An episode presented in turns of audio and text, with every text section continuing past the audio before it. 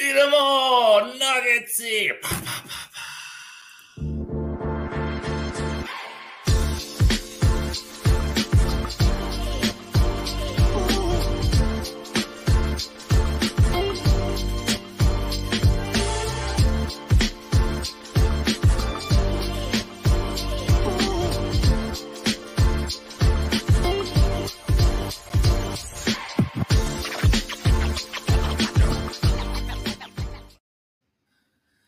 Dobrodošli u novu epizodu Nuggets Srbija podcasta.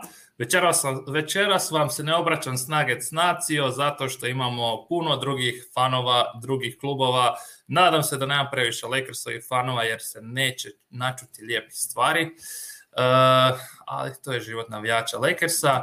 S vama smo večeras na početku moj e, uncle from another mother Miroslav Čuk iz Pančeva. E, egzibicioni deo sezone je gotov, počinje prava stvar. Dobroveče. Uh, onda, from Nebraska, at the right corner, at 300 pounds. Voja! Teste ljudi, idemo na Gici, sad playoff, ozbina košaka. I ja dole iz Slavonskog broda, s pogledom na Bosanski brod, misla, pa, pa, pa, pa. Desi, ako imamo novih fanova ili e, hejtera, e, slobodno nam bacite like na Facebook stranicu, Twitter stranicu, znači Nugget Srbija, Nugget Srbija, Colorado Europe nam se zove kanal. Uh, radimo tjedne epizode o Nagecima. a ovako kad su neki specijalni događaji poput trade deadline ili početka playoffa, imamo ovako masovne NBA orgije. tako da jesmo spremni za, za našeg prvog gosta šta kažete momci? Spremni, spremni, ajmo da uskočimo odmah u Denver, Portland znači, Znači, nije nam Miroslav bio jedan dosta, pa smo uzeli dva, dolazi na Miroslav Nač. Pa! Dobro vašo Miroslave. Dobro večer, lijepo vas našo. Šta se to nosi? A to je za, za prijatelje Lake, iz Lakersa. to, to, to, tako se to radi. Pozdrav ovaj, Aleksu i Luki. Pozdrav Aleksu i Luki, evo i Neven je isto tu. ne znam šta je s tim ljudima, ali eto, eto za Lakers se prihvatit ćemo i takvi kakvi jesu. E, nego, znači, prvo krećemo naravno s našim nagecima. Nugget Portland serija. E, prije, dvije godine, smo se susreli u polufinalu zapada. Ispali smo, nažalost, u sedmoj utakmici. E, bilo je oštrih mečeva, famozna utakmica Jokića kad je odigrao 65 od mogućih 68 minuta, to je poruka svima onima koji su govorili da Jokić nije u formi, da je neutreniran i bla bla bla, a čovjek 65 minuta odigrao četiri produžetka. Uglavnom imamo veliku povijest s njima, e, bivši Nugget, znači Jusuf Nurkić je započeo karijeru u Denveru i bio je buduća nada na poziciji centra, ali došao je jedan mladi momak iz Sombora i nije otkud istisnuo e, Jusufa iz prve petorke, što Nurkiću nije dobro sjelo, pa se durio i durio, dok nije došao trade deadline, pa smo ga e, dali Portlandu, oni nam uvalili Plamlija, tako da trade nije baš najbolje prošao kad se sve pogleda, ali nema veze, e, kako kažu. Barem, smo im dali pika prve runde uz... da, da, da, ako ništa drugo.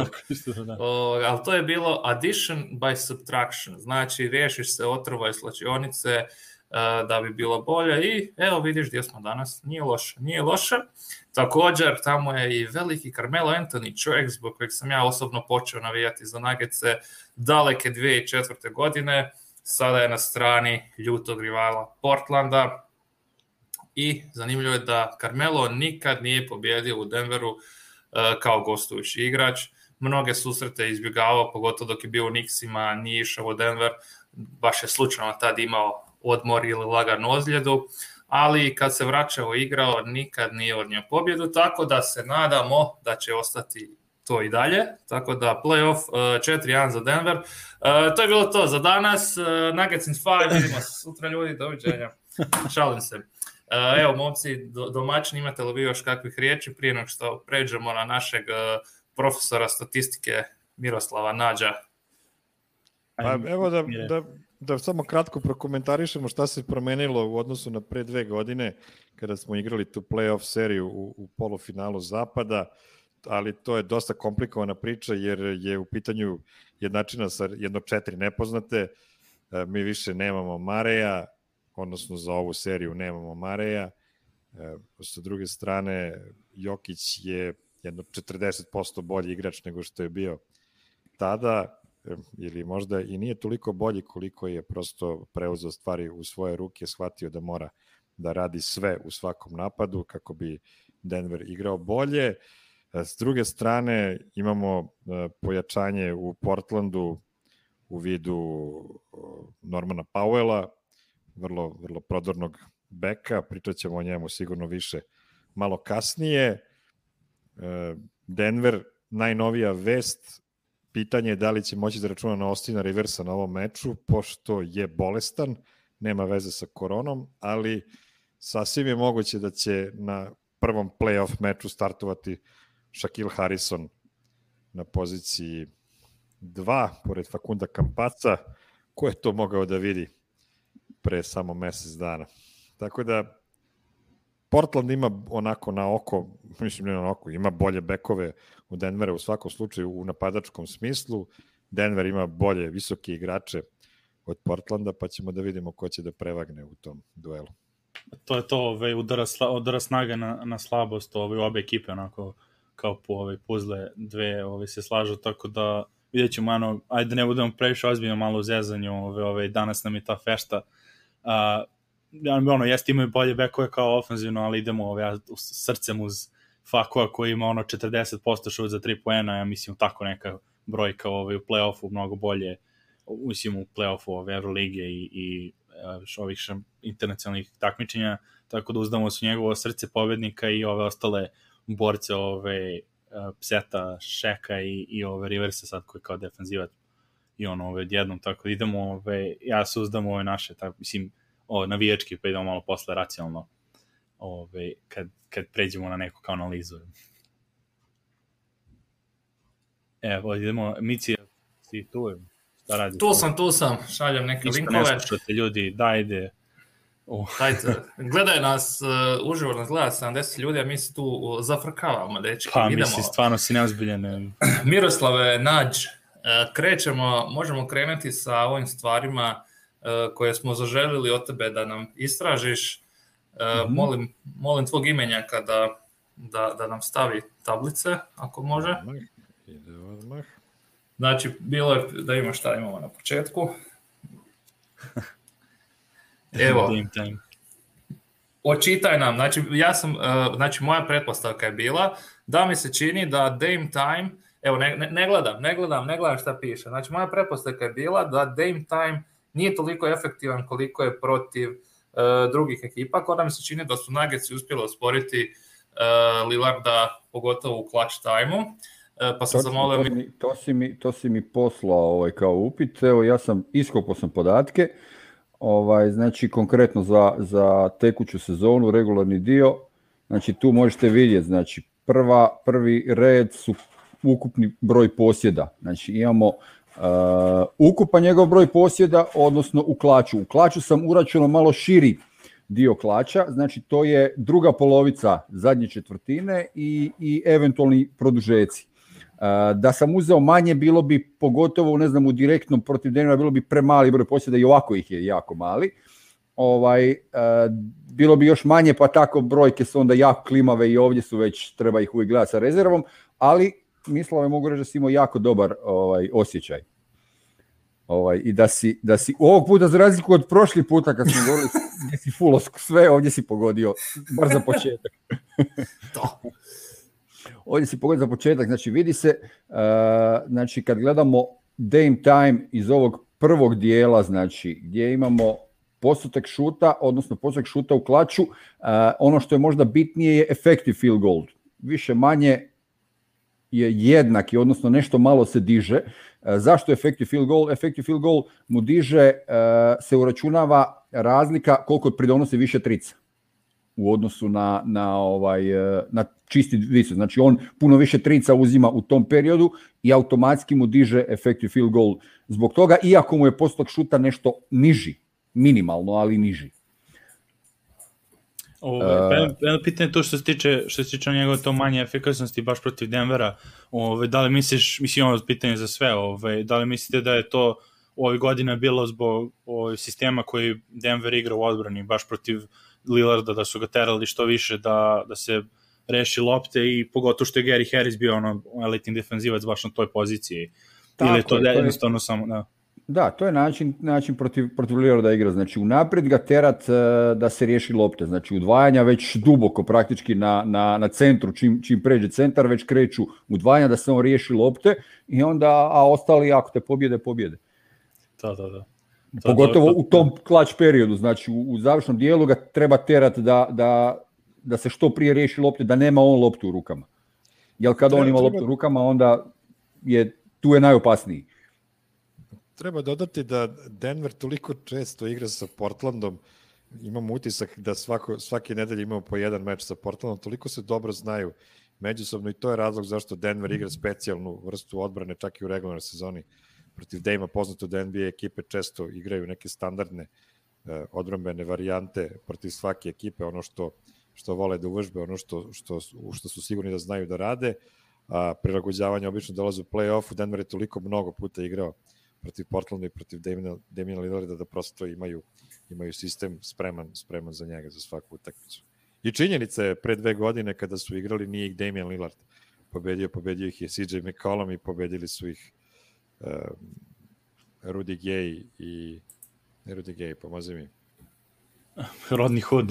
Rodni, rodni Hood. Rodni e, ajde, ovaj, kad, smo, kad smo kod Rodni Hood, ovo jedan, imamo još jednog gosta ove, ovaj, od naših gledalaca vernih, koji ove, Rodni hudo obožava, ove, ovaj, pogotovo ove, kad igra u Portlandu, Ratko Mranković poznat iz komentara ovo, i traže ga ove, ove, ekipa u publici, a pa, tamo kad smo već počeli o matchupima i o, tim ove ovaj, sporednim igračima Portlanda, imamo ove, još jednog hejtera Nagica ove, u grupi. Desi Ratko, se čujemo. Veliki pozdrav. Kako ste? O, evo ga. Lepo je videti vas nasmejane.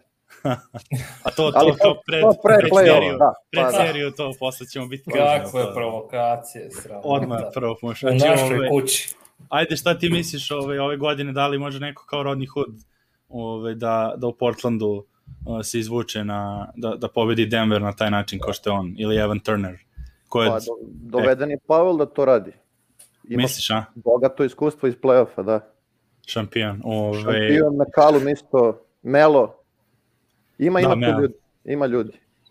Eto, ove, što je to isto, e, ovako, kad smo imali prošli put ovakvu emisiju, bio nam je Franceski, e, pa se on nije složio s Miroslavom, nego je rekao da e, je opasniji Pavel nego rodni Hood i ovaj drugi, kako se zove, Trent Junior, ali ja bih rekao, znači, ako Pavel ima loš dan, to je to, gotovo je dan ali ako, ako da su dvojica, Rodni Hood i Trent, ako ja ima drugi dan, ako ja ima loš dan, drugi može let i ima dobar dan. Ideš na kvantitet, da.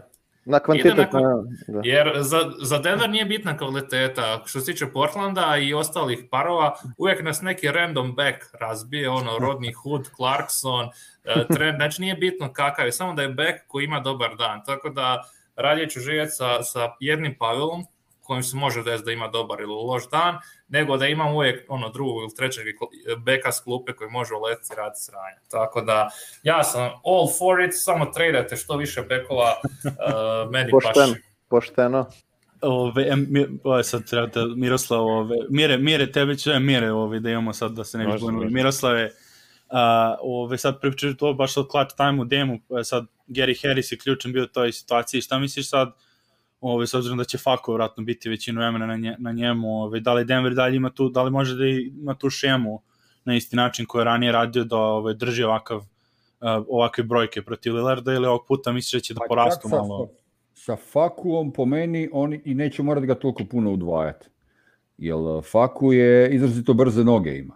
Znači, i on ga eh, neće, može biti non u njemu, praktički od, od, od izvođenja lopte pod suprotni košev skroz može biti njemu pod nogama i Lillard mu ne može pobjeći.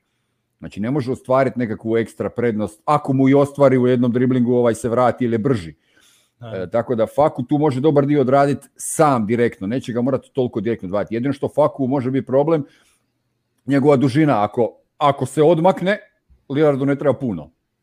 Ne treba mu puno prostora. Znači, čim se odmakneš korak, ovaj će mu, ili Faku je kratak, i tu mu ovaj može, može preko ruke onda šutat. Ali vjerujem da Faku sa svojim brzim nogama i s brzinom, znači da može biti praktički non stop njemu ispod njega praktički ispod njega, pod nogama mu stalno i na takav način ga može, može ovaj, eh, držati. Ali po meni jedna bitnija možda stvar uh, gdje Denver ima veliku prednost. A to je prije svega obrana Portlanda. Da, da, da to, to, su, to je ono Portland obrana, druga najlošija obrana lige. Samo, samo Sacramento ima lošiju obranu. Po svim parametrima samo Sacramento ima lošiju obranu. Tako da tu imaju veliku prednost.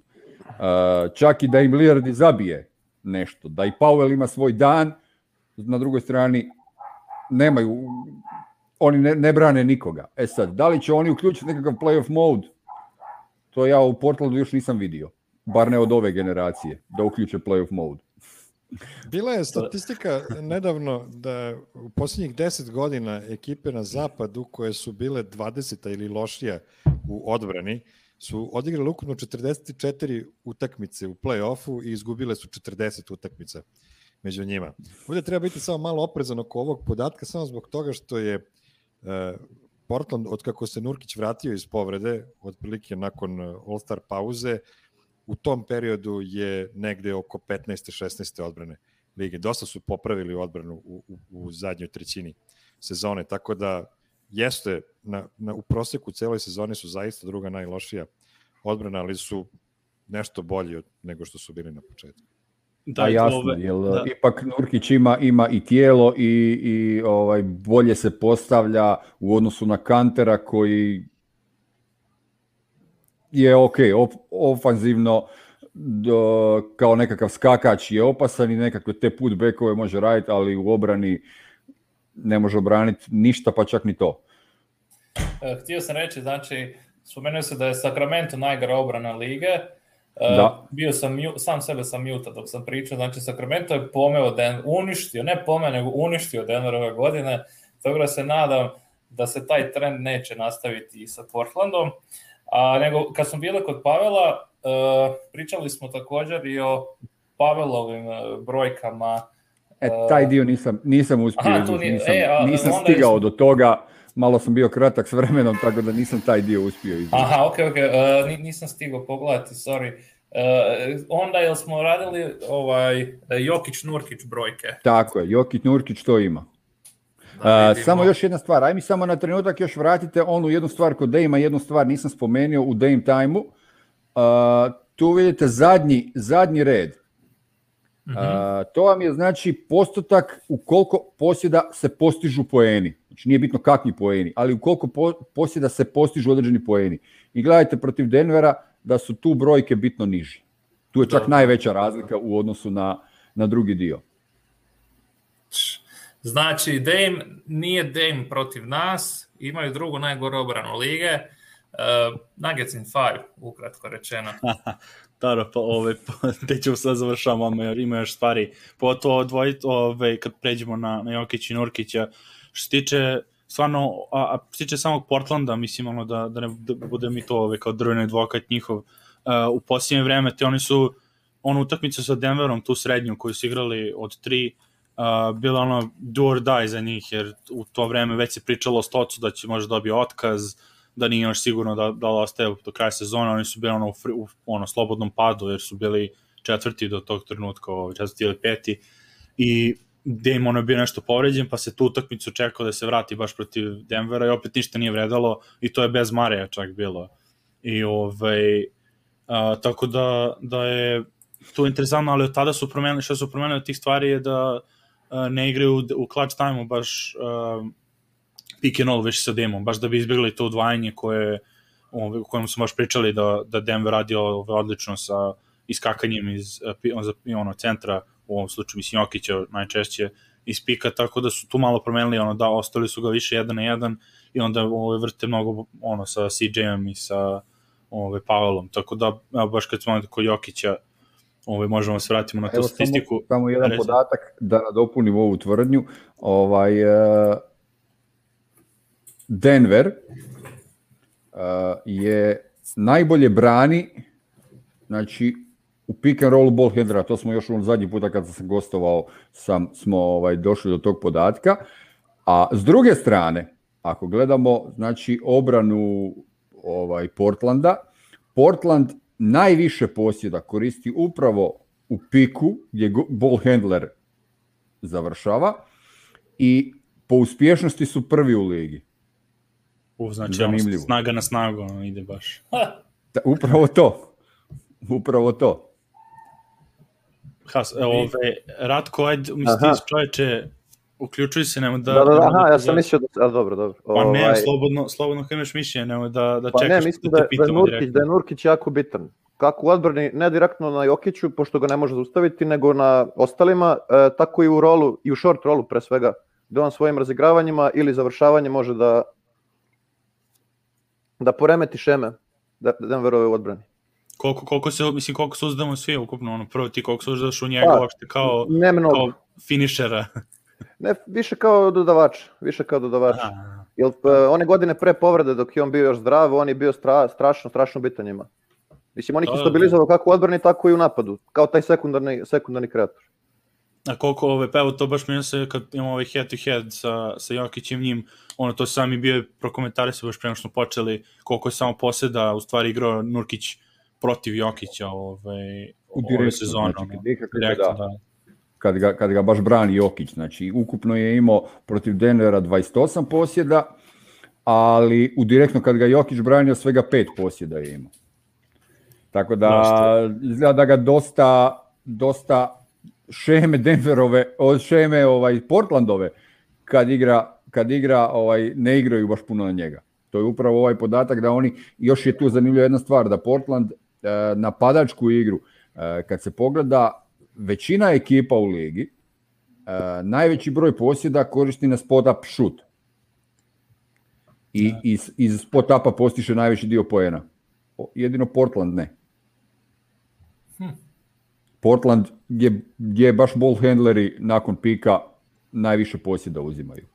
Od, pa da, kod njih, kod ono baš mislim ko je gledao malo više, on ja onako u ovoj tok sezone, pogotovo kad je trend bio ove ovaj tamo bacio pogled, ali stvarno oni, mislim, estetski po meni, bar nešto košaka koju ne, ne, ne volim baš da gledam, jer dosta je tu jedan jedan, baš se jako iz, dosta iz driblinga su ti šutevi, ove, nema, ne kreće se toliko lopta, ono, imaju ta tri igrača, zato mislim, s jedne strane je opas, opasnost da imaju toliko tri ove poentera koji su kao Powell i, i ove, Le, CJ, ali to se sve svodi na jedan jedan igru i sad ako Denver uspe bar da isprati te neke prve ove, nalete, mislim da bi mogli da izdrže odbranom, ove, jer opet to kažem, ne kreće se lopta, ne kažnjavaju toliko ispadanjem prvo ove, od odbromenog igrača koliko bi trebali sa takvim šuterima ove, koji su u toj ekipi.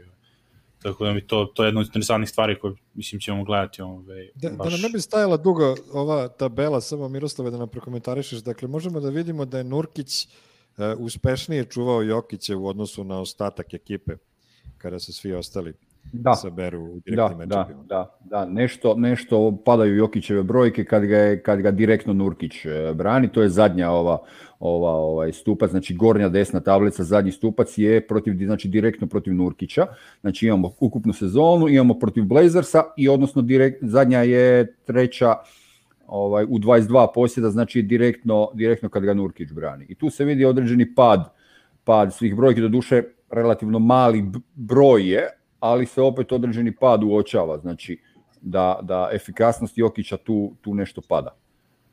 Ove, kad, se, kad se kod, te, to ključa, mislim, ključ odbrane u stvari Portlanda, ne znam, ovo je baš opet pitanje za, za sve, uh, sad pogotovo bez Mareja i, i bez nekog tog primarnog ball handlera, čak i u Bartonu, e, šta mislite, da li je bolje pustiti onda Jokić 1-1 da ga Nurkić čuva, a zaustaviti da MPJ-a i skupljati se Fako i Gordon, onako da, da u stvari pomute taj reket, da Jokić ne može baš asistencije da baca, ali i dalje da praktično ostaje jedan jedan ovaj, sa Nurkićem i tako da, da pokušaju Denver da brane. On to, aj, ovaj, Ratko, šta mislite? Definitivno, definitivno. Pa pokazalo se i u seriji protiv Lakersa Denverovoj da nije bilo mnogo, mnogo pomaganja ni udvajanja pre svega. Jer čim ide udvajanje Jokića, to je siguran ili trojka ili koš neki. Ovaj, tako da Nurkić bi trebalo to jedan na jedan da brani. Pa sad, neka ga pobedi Jokić 60 pojena, nije bitno, samo da se ostali ne razigraju. To je po meni ključ za Portland. Ostali? Da Shaq Harrison ne, ne bude gorio sa linije za 3 poena, to je naj, najbitnije. Kako se čini naš startni back. Uh, pa da, mislim, uh, realno Jokić je najopasniji kao dodavač. Uh, jer, ali, ali, ova sezona, Jokić MVP, Jokić rastura sa svih strana, iznenađaju nas iz dana u dan, pokazuje da može utrpati 50 ako treba, a ako treba i 47, nije mu ni to problem. E, tako da e, slažem se s Ratkom, iako mislim da bi moglo vidjeti e, baš neke ono ekstremne utakmice Jokića, ono da mora zabiti 50 poena da bi da nam pobjedio. I ako Ratko može s tim živjeti, onda mogu i ja. Šta da kažem? uživati, ne živjeti, uživati. E, može ima tu, i jedno i drugo. A ima to na primjer, jeste to što je pravo za Lakers, ove, evo šta misliš ti oko toga da, da na primjer, pošto igraju Gordon i, i Fako će igrati verovatno većinu utakmice i sa Jokićem, da li onda baš zbog njih dvojice što su slabiji procenti šuta za tri, da li onda u nekim situacijama i dobro udvajati onda Jokića Jako on te rešava, ali, ali ove, te kick-out paseve će onda dobijati igrači koji, s kojima Portland može da živi ko šuta. Ovaj, to ne, nešto što bi Denver mogao da reši možda ne šutem faku, nego na primjer onda faku da, da ovaj, prosledi loptu ili nekako napadne. Jer to me, me to brine iskreno, ta, ono, da ga oni udvajaju, da onda ne može čak ni koš da da, a da pas koji da neće ničemu, ovaj, ničemu ovaj, ono, dobrom ići u, regularnoj sezoni bila je jako loša ideja udvajati Jokića. Denver je imao u napadima u kojima je Jokić udvojen ofanzivni rating 140, davali su 1,4 poena u proseku u svakom e, posjedu u kojem je on e, bio udvojen. Ne treba zaboraviti da je igrao dobar deo sezone Mare i dobar deo sezone igrao Will Barton koji je imao dobru šutersku sezonu, e, da je igrao PJ Dožar koji nije vrhunski šuter, ali ima odličan prodor i onda je mogao drugačije da, da završava ili da prosleđuje dalje loptu nakon, nakon odvajanja. Jokić ima dosta hokejaških asistencija zbog toga, kako kažu, da on doda loptu, a onda igrač je doda odmah pravi asistenciju u uglu, na primer. E, playoff je druga zverka, ne samo zbog toga što nema te šutere, zbog toga što će sada morati faku da završava otvorene šute, iako nam naša braća Argentinci obećavaju playoff fakua koji će pogađati sve što bude trebalo. E, problem je i Shaq Harrison, za kojeg će izgleda, barem na početku sezone, biti neophodno da igra dosta minuta, s obzirom da Austin Rivers je neizvestan za ovaj prvi meč. Inače, kada bi Austin igrao, mislim da bi... Da, Marcus mislim... Da, dobro, Markus Howard je back shooter od 1,75, pa sad, kada bude prošlo, bude prošlo. E, ako to da, treba da igram, da... je, a i nije samo i to problem. Problem je takođe i to što se, što se igra agresivnija odbrana u play-offu nego u regularnom delu, pa, pa čak i igrači koji ostaju otvoreni nisu onoliko otvoreni koliko su bili u regularnom delu sezone. Tu su na stopu bliže odbrani igrači nego što su bili pre toga.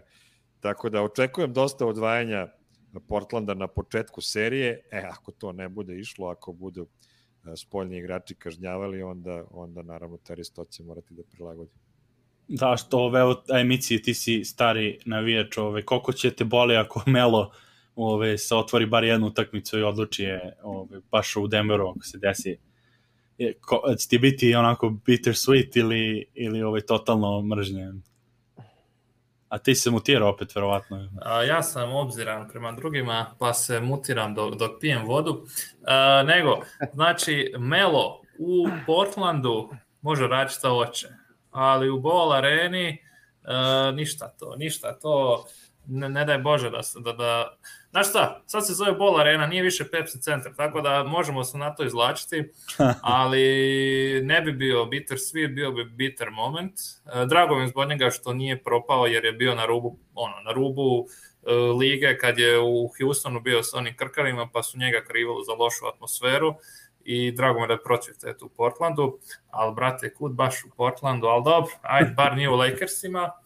E, mislim da bi mogao biti neki mini, mini melo ono, throwback, e, možda ono da zabije pet trica, jedno bacanje, jedan zicer sa, za 18 pojena, ali ne očekujem puno više od njega. A ove, pa baš to zbog toga što protiv Denvera mislite možda da će da se previše trudi u nekim situacijama, pa onda to ide Denveru u korist. Dobar tek dobar take, nadam se da si u pravu, da će se probuditi onaj stari Melo, poznati Melo iz slačionice Houstona koji je bio otrov za slačionicu, e, da će previše stvari uzimati na sebe, e, tako da mislim da bi se moglo to. A pazi, on će igrati najviše sa drugom postavom, tamo će ga vjerojatno čuvati uh, e, Jermichael Green, aha, za njega se kaže da je dobar obran. obrani, još, još ako bude Čača Pol s njim, mislim da će to biti solidna defazivna taktika za spriječiti Mela a ja e, Ratko, ti, sam e, ti smo pričali, pa, imaš... Pa, jesmo, ja bi što više Gordona na, na melu. Mislim da sam, da sam Melon. Što više Gordona na melu, a ako se Melo bude previše trudio, opet će da leti iz lige, tako da...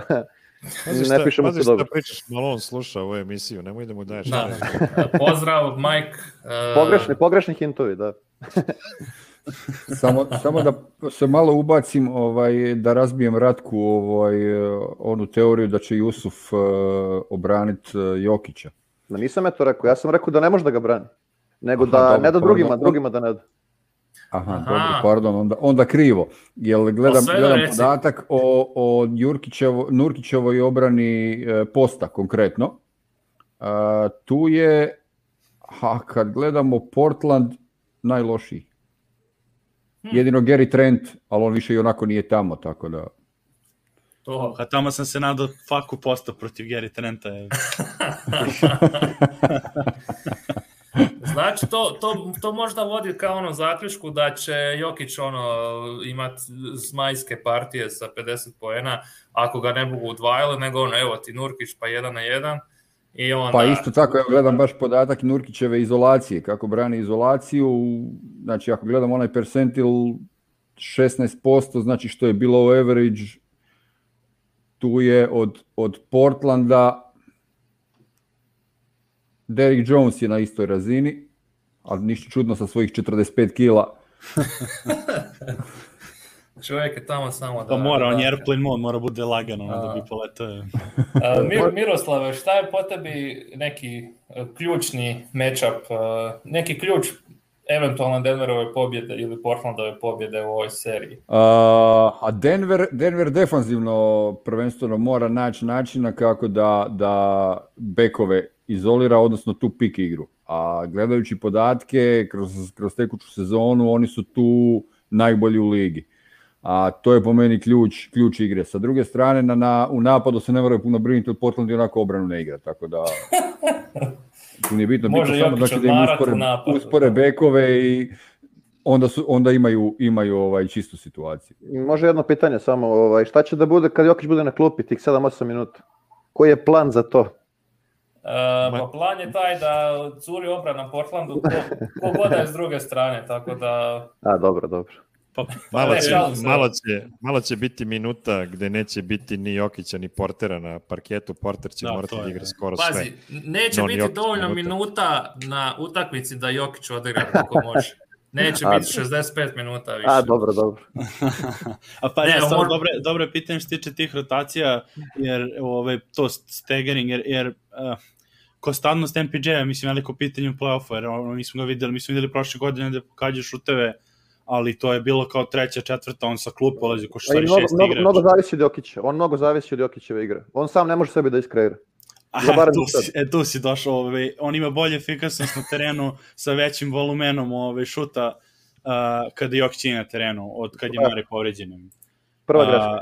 prva greška. Mislim, šalim se, to ima smisla, ne, naravno. Nisi, ono to mogao da znaš ali, ove, ovaj, ali stvarno, mislim, stvarno je ispalo tako, ja se začudio kad sam vidio taj podatak, to je došlo bilo ono pre ove poslednje, sad ne znam kako su se tu poremetili ove brojke, na ono, poslednje nedelje, ali, ali to je, opet, to je regularna sezona, ono igra, ali sa tom postavom, meni, mislim, moje, ono, moje nadanje u toj situaciji je da će da igra ono katanac postavu gdje bar će da zaključuju što više mogu, jeste da je problem Portlandu sa ta tri beka, da ima uvek, uvek će moći neko da im bude na terenu koje je jaka, ali iskreno što tiče ako Norman Powell jedini na terenu od, i bude primarna opcija, to je podnošljivo s obzirom da Shaq Harrison onda može da ga čuva i ovaj, a MPJ bude ta prva opcija ovaj, u Denveru i sva njihova, mislim i Kanter kao sa strane pomoći sa Karmelom, to ono od početka, to smo videli zbog tog, zbog tog predsezonskog meča, pa smo se poleteli da će Denver biti najbolja ovaj, najbolji napad u istoriji lige kad smo videli ta,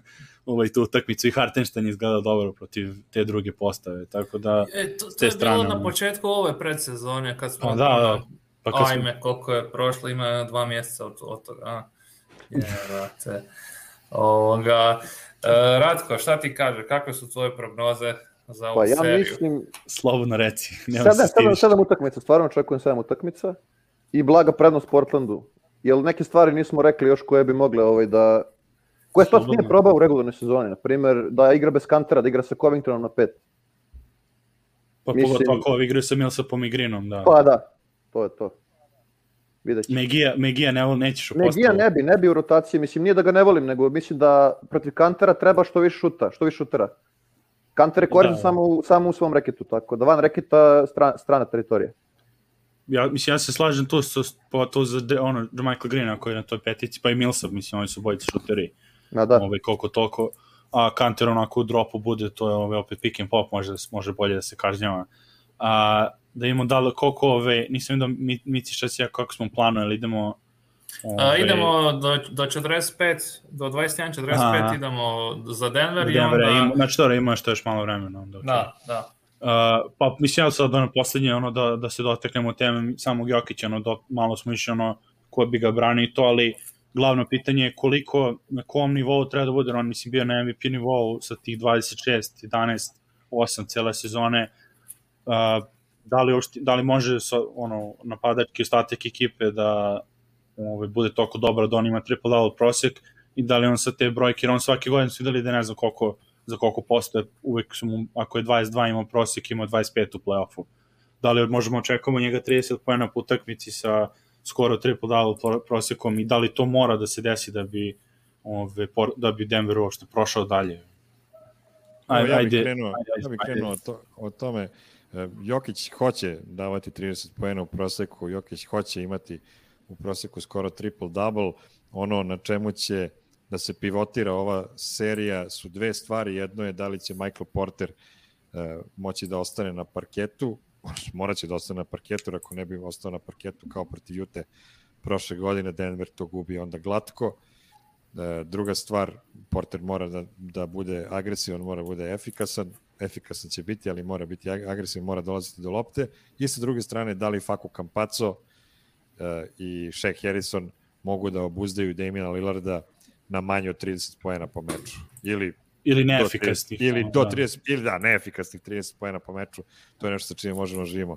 I Jokić i Porter će morati da budu u proseku blizu 30 poena, nemoj da se lažemo da bi mogli da, da, da, se, da se dobije ova serija. I onda treba u svakom meču da iskoči još dva igrača sa 15-20 poena da bismo došli do te neke magične cifre od 115 poena koliko će verovatno na svakom meču biti neophodno 150. da, bi se dobio. 115 mislim da će biti manje pa- više dovoljno u većini Pa ja mislim Portal nije vidio on, ona taj, taj srednji mečep je bio ipak sa Bartonom, a što smo videli da je kad je on izašao iz te postave da je odbrana bila mnogo bolja ovaj, bar na lopten. Od, ono, od tada, od kad si on povredio, Denver je većina utakmica držao ekipe ispod 100 poena Ove, šteta stvarno, PJ Dožetu mi, mislim, meni možda najviše fali u toj situaciji da on baru u paru kao visoki i ono, ipak je on imao samopoznanje. Nismo mi se nekli ono Monta, nismo dotakli, očekavamo njega ono da, da bar bude ono, da drži tu drugu postavu pozitivno i nuli. Oni Porter, na primjer, mogli bi da nose taj napad. Ali ajde, ovaj, nađi, e, nađi ovaj, što tiče Jokića, šta misliš, ono, da li on, pošto znaš, mislim, znaš sam zbog brojke, ono, kako je svake godine u play koliko možemo od njega stvarno da očekujemo to i skok ponovo u playoffu, offu koji opet niko ne očekuje. malo mi se gubi veza, tako da nisam čuo kome je riječ. A, o Jokiću, Jokiću, kao, pošto on svaki playoff ovaj, diže ono, brojke, da li možemo i sad opet posle, posle 26 pojena u sezoni da, da očekujemo dalje od toga? Pa po meni on, on neće biti možda ključno da on drastično digne svoje, svoje poene. E, on će morat po meni više razigrati ekipu više tražiti pametne i otvorene situacije i dati i ostalima uključiti ih u igru. Jer igra ne može biti jednosmjerna i da se on zabazira na sebi. A Jokić to može. Znači on može povući ekipu, on će isporučiti svoj dio, ali mora naći načina da, da e, jer on praktički je prvi kreator i jedini kreator. On mora iskreirati za ostale. On mora Porteru, Porter će pospremiti svoje, ali neće iskreirati. Znači, on će posvojiti neće Znači, moramo naći pozicije, moramo, moramo iskreirati pozicije. Kampaco e, može nešto iskreirati, ali ne puno. Kampaca ja više vidim njegovu korisnost u obrani. I u nekim stvarima Kampaco puno bolje u obrani funkcionira nego što Marej funkcionira. Jedino su na drugoj strani terena u napadu fale Marejovi, Marejova kreacija i Marejovi poeni fale. Mhm. Marej se mogu sam iskreirati. Kampaco ipak ne može on će možda nešto iz pika nekome iskreirati, nekakav povratan pas ili nešto, ali nije, nije tolika pretnja. Tako da tu Jokić mora preuzeti veću stvar u kreaciji i razigrati i Kapaca i, i, i ovaj, Portera, prije svega Porteru mora naći poene. Jokić mu mora iskreirati poene.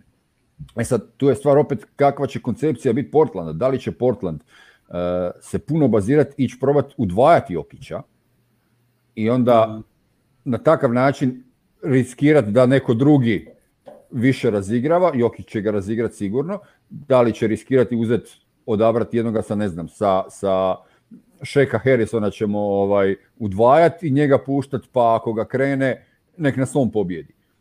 E sad, tu je sa stvar koncepcije kako će Portland imati. Ja osobno da sam, da sam na mjestu Portlanda, eh, ja bi ga pokušao u startu izdvojiti jednoga i riskirati jednoga. Idemo pokušati prvu četvrtinu udvajati Jokića, limitirati ga maksimalno, isto ga natjerati da, da daje, razigrava druge, ali odabrati da razigrava vanjskoga, ne unutaršnjega, znači ne, ne, ne, na, na portera, nekog od, od, bekova.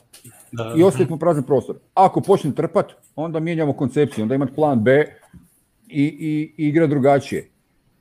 moj osobni izbor bi bio, a sad, da li bi to upalilo, da, pa to je, mislim, sad to je mnogo interesantna ova serija, to ove godine, to, da se kao one se ekipe poznaju, to sve ono stoji i Monte Morris, koji je, na primjer, isto ne igrao dobro u tom playoffu, opet Barton je isto pod velikim znakom pitanja, neće biti sad u subotu, ali ko zna, može se vrati, a opet znamo kakav je on kad se vrati onako, ove, kad nije 100% fizički, to ne znam, ono, više se i bojim da će da bude oduzimanje ove igri Denvera nego dodavanje ove cele priči Gordon, mislim, ono, Orlando što je igrao, igrao je, ali to playoff, tamo je... Da, nema playoff iskustva, da. Ništa, baš mnogo, mislim, zato je, ono, zato je, ovaj, zato mislim, i Portland govoriti. po kladionicama. Gordon isto nije kreator, Gordon isto je striki šuter. Ok, on je ove godine digao svoj šut, ali je isto striki šuter. Jednu će zabiti, drugu neće pogoditi ništa, znači nije konstanta, tako da i on može biti opcija. Međutim, on je opasan, e, jer on jako dobro ovaj e, koristi rupe u, u, obrani, ta udvajanja sa utrčavanjem tako da Isa Gordona ja ne bi da, možda ga ostaviti u nekakvom dropu, ali mu zatvarati prostor da nema, ali ne možeš sa njega onda udvajati, jer onda otvaraš njemu, njemu katove, ovaj, tako da ne, nego prije nekog baš od bekova. Da li Šeka Harrisona, da li, ovaj, e, e, Kampaca bi pokušao sa njih riskirati i ići udvajati, udvajati Jokića da mu se smanji taj prostor za čisto Jokić će i opet imati mogućnost i razigravati, ali čisto da mu se smanji mogućnost, da mu se oduzmuje opcija da, da, da ovaj, e, smanji se ta, ta njegova učinkovitost. A šta mislite u clutch time e, Gordon recimo na Lillardu, kako bi to, jel bi to prolazilo ili... Pa par posjeda, ako, ako Faku se dokaz, mislim, pokazao toku utekmice baš ono da se Lillard preko njega samo 30 ono sa 35 fita, ovaj, sa, sa 10 metara i bez problema pogađao u tih par ono poseda, što, mislim što je da ne, jer ako ono, Lillard jeste brzi može onda da pretrče, a Gordon nije ovaj, toliko najavan, pogotovo ako, tako se namesti, ako ga usmeri na stranu, na primjer da čeka ove, ovaj, na bananu pod košem, da ono bude praktično odvajanje kasno ove, ovaj, se toga, ne, ono, ako ništa u toj utakmici nije funkcionisalo sa bekovima, onda šta ima drugo da se izgubi. Mislim, ne znam koliko je on spreman na to, ali u ove, to, ove sezone, mislim za Denver to pričat ćemo mi ove, ovaj, o toku, ono, ovo je Joker sezona, mislim, svi su toliko povređeni, ne znam koliko i iko može da očekuje da sad neke titule i u stvari da, da ima očekivanja u smislu da sad kao katastrofa je ako ispadnu u prvom kolu. tako da što se tiče malo ono, on bi trebao da ima ono card za, za tako eksperimentisanje što opet nije on njegova navika za to, ali što se mene tiče... Evo, Uh, evo, u, sad ćemo ga vratiti. Uh, evo, došli smo na 45 minuta, tamo zaključiti uh, e, progno, prognoze. Miroslave, šta e. kažeš? E. Nuggets in 7. Voja? Por... Aj, Ratko, molim te reći. Sport 7. Pa se. Uh, Nuggets 6. Nuggets 5. Oh, idemo. Pazi, a pazi, e. nije to, ako, ako MPC proradi kako može da proradi, uopšte nije nemoguće, jer onda šta, šta onda da radi, da staje Normana Pavla na Gordonu, a Covingtona na MPJ-a, totalno bi onda šup bio me, ove, ovaj, i tu mismatch. Znači sve, po meni sve zavisi od ovog što kaže Milan da nije MB igrač. Uh, ja vam moram reći nešto zašto ja imam ovako čvrsto vjerovanje da će biti Nuggets in 5. Čuo sam se sa famoznim korejskim reporterom koji je prošle godine jedini rekao Nuggets in 7 protiv Clippersa. Pitao sam ga šta misliš za Nuggets Blazers Rekao je, nisam još siguran, ali da moram sad reći, rekao bih Nuggets in five. Tako da, Young Japli, hvala ti, vjerujem u tebe i znamo da ćeš biti u pravu. E, ovim, ovim e, zaključujemo prvu seriju e, Nuggets Portland, prebacujemo se uskoro na Dallas i Clippersi, naši redovni Nuggets fanovi, ne brinite, mi ćemo snimati Prvo ćemo snimati epizodu svaki dan nakon utakmice Nuggetsa, tako da će biti još puno priča o Nuggetsima u Portlandu.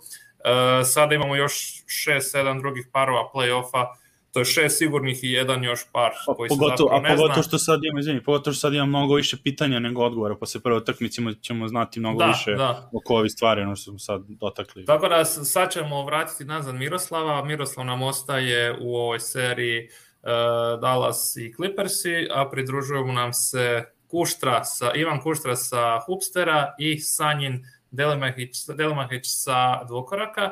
E, ja preskačem ovu seriju, e, vi svi možete ostati. E, evo, ja Ratka na YouTube poslove. Ove, on ti, si kasnije Ratko. Evo, Hvala što ste došli, vidimo se poslije. ništa, amo, amo riješiti, idem ja javiti. tu je, tu, dole. Evo ga, evo ga Ivan, tu, desi. Desi, ja. e, pa ste vas ti Miro jedi ono, postoji uopće merch Clippersa ovoga u Hrvatskoj, nisam znao da postoji, ali očito evo ima. A, evo, e, ne čujemo te, Mi, Ivane, ne čujemo te. Samo sekundu onda. Tih si nam. I gdje nam je Sanjin, njunca Čekamo, taj šareni mikrofon. Kuštrin. Da, da, da, daj mikrofon, taj, daj da vidimo, da vidimo. Mikrofon. Multifunkcionalno. Sad ću ja pojačam i sa ove strane da se čuje. Evo je, pucketanje je tu. To, kako to. Evo, ja sad ću. Opa, idemo. e, ali ti kad ideš na karaoke u pračku, jel nosiš svoj mikrofon? Ne nosim mikrofon na karaoke, u pračku nisam bio 15 godina u prački. A joj, ne znam šta propustaš. Da ništa, ja se isključujem, evo, pa e, vi dalje Čekaj, pa jedino se tebi mogu ruga, šta se isključuješ? Njih još ne znam e, toliko dobro. Baš zato, dobro, A ajde, vi ste tu po godinama. Ovoga, vidimo se poslije. Ajde, ajde, Mici, tu smo. Evo, ljudi to reče vam da počinjemo sa, sa Clippers i da se moramo pokažemo grafiku, posle mi lakše da se snalazim sa time kodovima po grafici. Uh, ajmo prvo, ovaj, pošto Miroslav, mislim da nemamo nikakve ove, statistike ove, u Excelu, tako, sa, sa za ovo, e da, ok, ok. Ove, pa prvo, samo čekaj da nađem gde su mi beleške. Ovo ćemo prvo sa Clippersima, imate ove, merch njihov, uh, da počnemo prvo utisci ono sezoni, ovaj, kako je kraj dalje pokvario nešto u njima u momentumu, ove ta neka sportska karma sa nameštanjem mečapa, ovaj, ajde, kreni ti, ove, šta, šta misliš za ovaj kraj i uopšte kako je ova sezona ove, bila? Ove, mnogo smo ispod radara više bili nego prošle godine sa, sa ovim kao super zvezdama. Znaš kako kažu, ovaj, u tišini se stvaraju prvaci. znači, ono, manje su pričali, vjerojatno su više radili. Prošle godine su bili po svim ovaj društvenim zbivanjima koje su se mogli naći a ove godine ih se nigdje ne čuje. Pa eto, valjda su nešto, kada nisu puno govorili, valjda su dizali tegove. Jer Patrick Beverly jedan je to preostaje. Pa valjda se nešto ne to. Da, da. A i ove godine ti oni, ja mislim, nisu niti jednu utakmicu odigrali sa full rosterom koji da, je na da, raspolaganju. Znači, doslovno niti jedan susret nije bio tipa sa, ne znam, ono, top 8, top 9 rotacijom koja će biti, uvijek je bio maksimalno neki top 7 to je ono bio pa- plafon i to je bio ono top 7, tamo su se svi vratili i onda se na toj utakmici neko ozlijedio. Opa, evo, da... evo nam ga je, izvinite, izvini da te ne pek, evo nam ga je ovaj peti član, Sanjin stiže cigara, jel pivo tu? Eto, Sve po pesu Sve po pesu Uh, pa eto, ko ste krenuo sa, sa Clippersima, ove, idemo na čovjeka koji nosi njihov dres uh, sa, sa Chris Paulom. Koliko im fali ove, da li je ovo dovođenje ronda kad smo sa plejevima, koliko im to znači kad za play-off. Kad smo pola. Kad smo kod pa moram neki tranziciju dio, ono nešto, pustite me ljudi. Pratio sam najviše nagice, ovaj. Pa ne, stvarno, ono, u toku sezone je bilo, bilo je malo kritično sa playmakerima, ovaj, pravim, ono, to su svi pričali, ono, treba im play, treba im play, oni še Ronda umesto Lou Williamsa. Koliko će onda i znači za playoff? Jer protiv Denvera su ono jednu utakmicu za malo za malo izvuče rondu u produžetak. Pa ako ovaj, se uključi playoff ronda, onda će znači puno. E sad, pitanje je koliko još u njemu ima tog playoff ronda. Da, to, to jeste. Ove. Ovaj, da. Sanjine, a ti ove ovaj, utisci od ove godine, šta misliš? Kaže, je rekao, u tišini se prave prvaci, pošto nismo toliko čuli drame ove, iz njihovog tabora, da je to dobra stvar za njihove godine. ne vidim prvake jednostavno tu. Ne znam, meni, meni oni vuku probleme od prošle godine, znači i dalje imaju i dalje se previše oslanjaju nekim utakmicama na Kavaja i na uh, Đorđa. E, nemaju tu pomoć e, od vanjskih igrača. Batum je dobra akvizicija ako ćemo ga gledati kod nekog igrača koji može staviti dvije, tri trice, odigrati dobro u obrani i za protok u napadu, jer su imali neke stvarno jako dobre sekvence s njim na parketu, ali da se nadovežem na miru, ako se ne pojave playoff rondo, da rastereti najviše kavaja u kreaciji, u napadu i da tu oni mogu više se fokusirati čisto da scoringa, da imaju nekoga koji može razigravati, a da to nije Kuštrin Ređi, onda teško je, teško, ja mogu i da će oni proći. E, ako prođu zapad, ja teško mogu vidjeti da oni mogu osvoji taj naslov. Pa ove, to baš sad porekao za kreativno za kreativni laptop, koliko hoćete da veri, jer oni, znamo da su oni, ove, pošto to je jedno što se pe famozno, hoće Trogo, da, su Trogo da uvedu ove, ove sezone i u situacijama su dobro izgledali kad se lopta kreće, ali onda nekad ove, kad, kad zagusti ove, često regresiraju ono 1-1 uh, igru George Kavaja, koliko će sad, šta mislim, to, baš u tim situacijama, koliko će da veruju tom sistemu, Ove, šta mislite, Evo, je samo, tu... jedna, samo jedna stvar, a kad smo kod 1 do 1, znači 1 na 1, ovaj, e, kaže podatak da su u short, short, short loku, znači unutar zadnje 4 sekunde, su prva ekipa lige, najbolju realizaciju u ligi imaju. Znači to je upravo ta 1 na 1.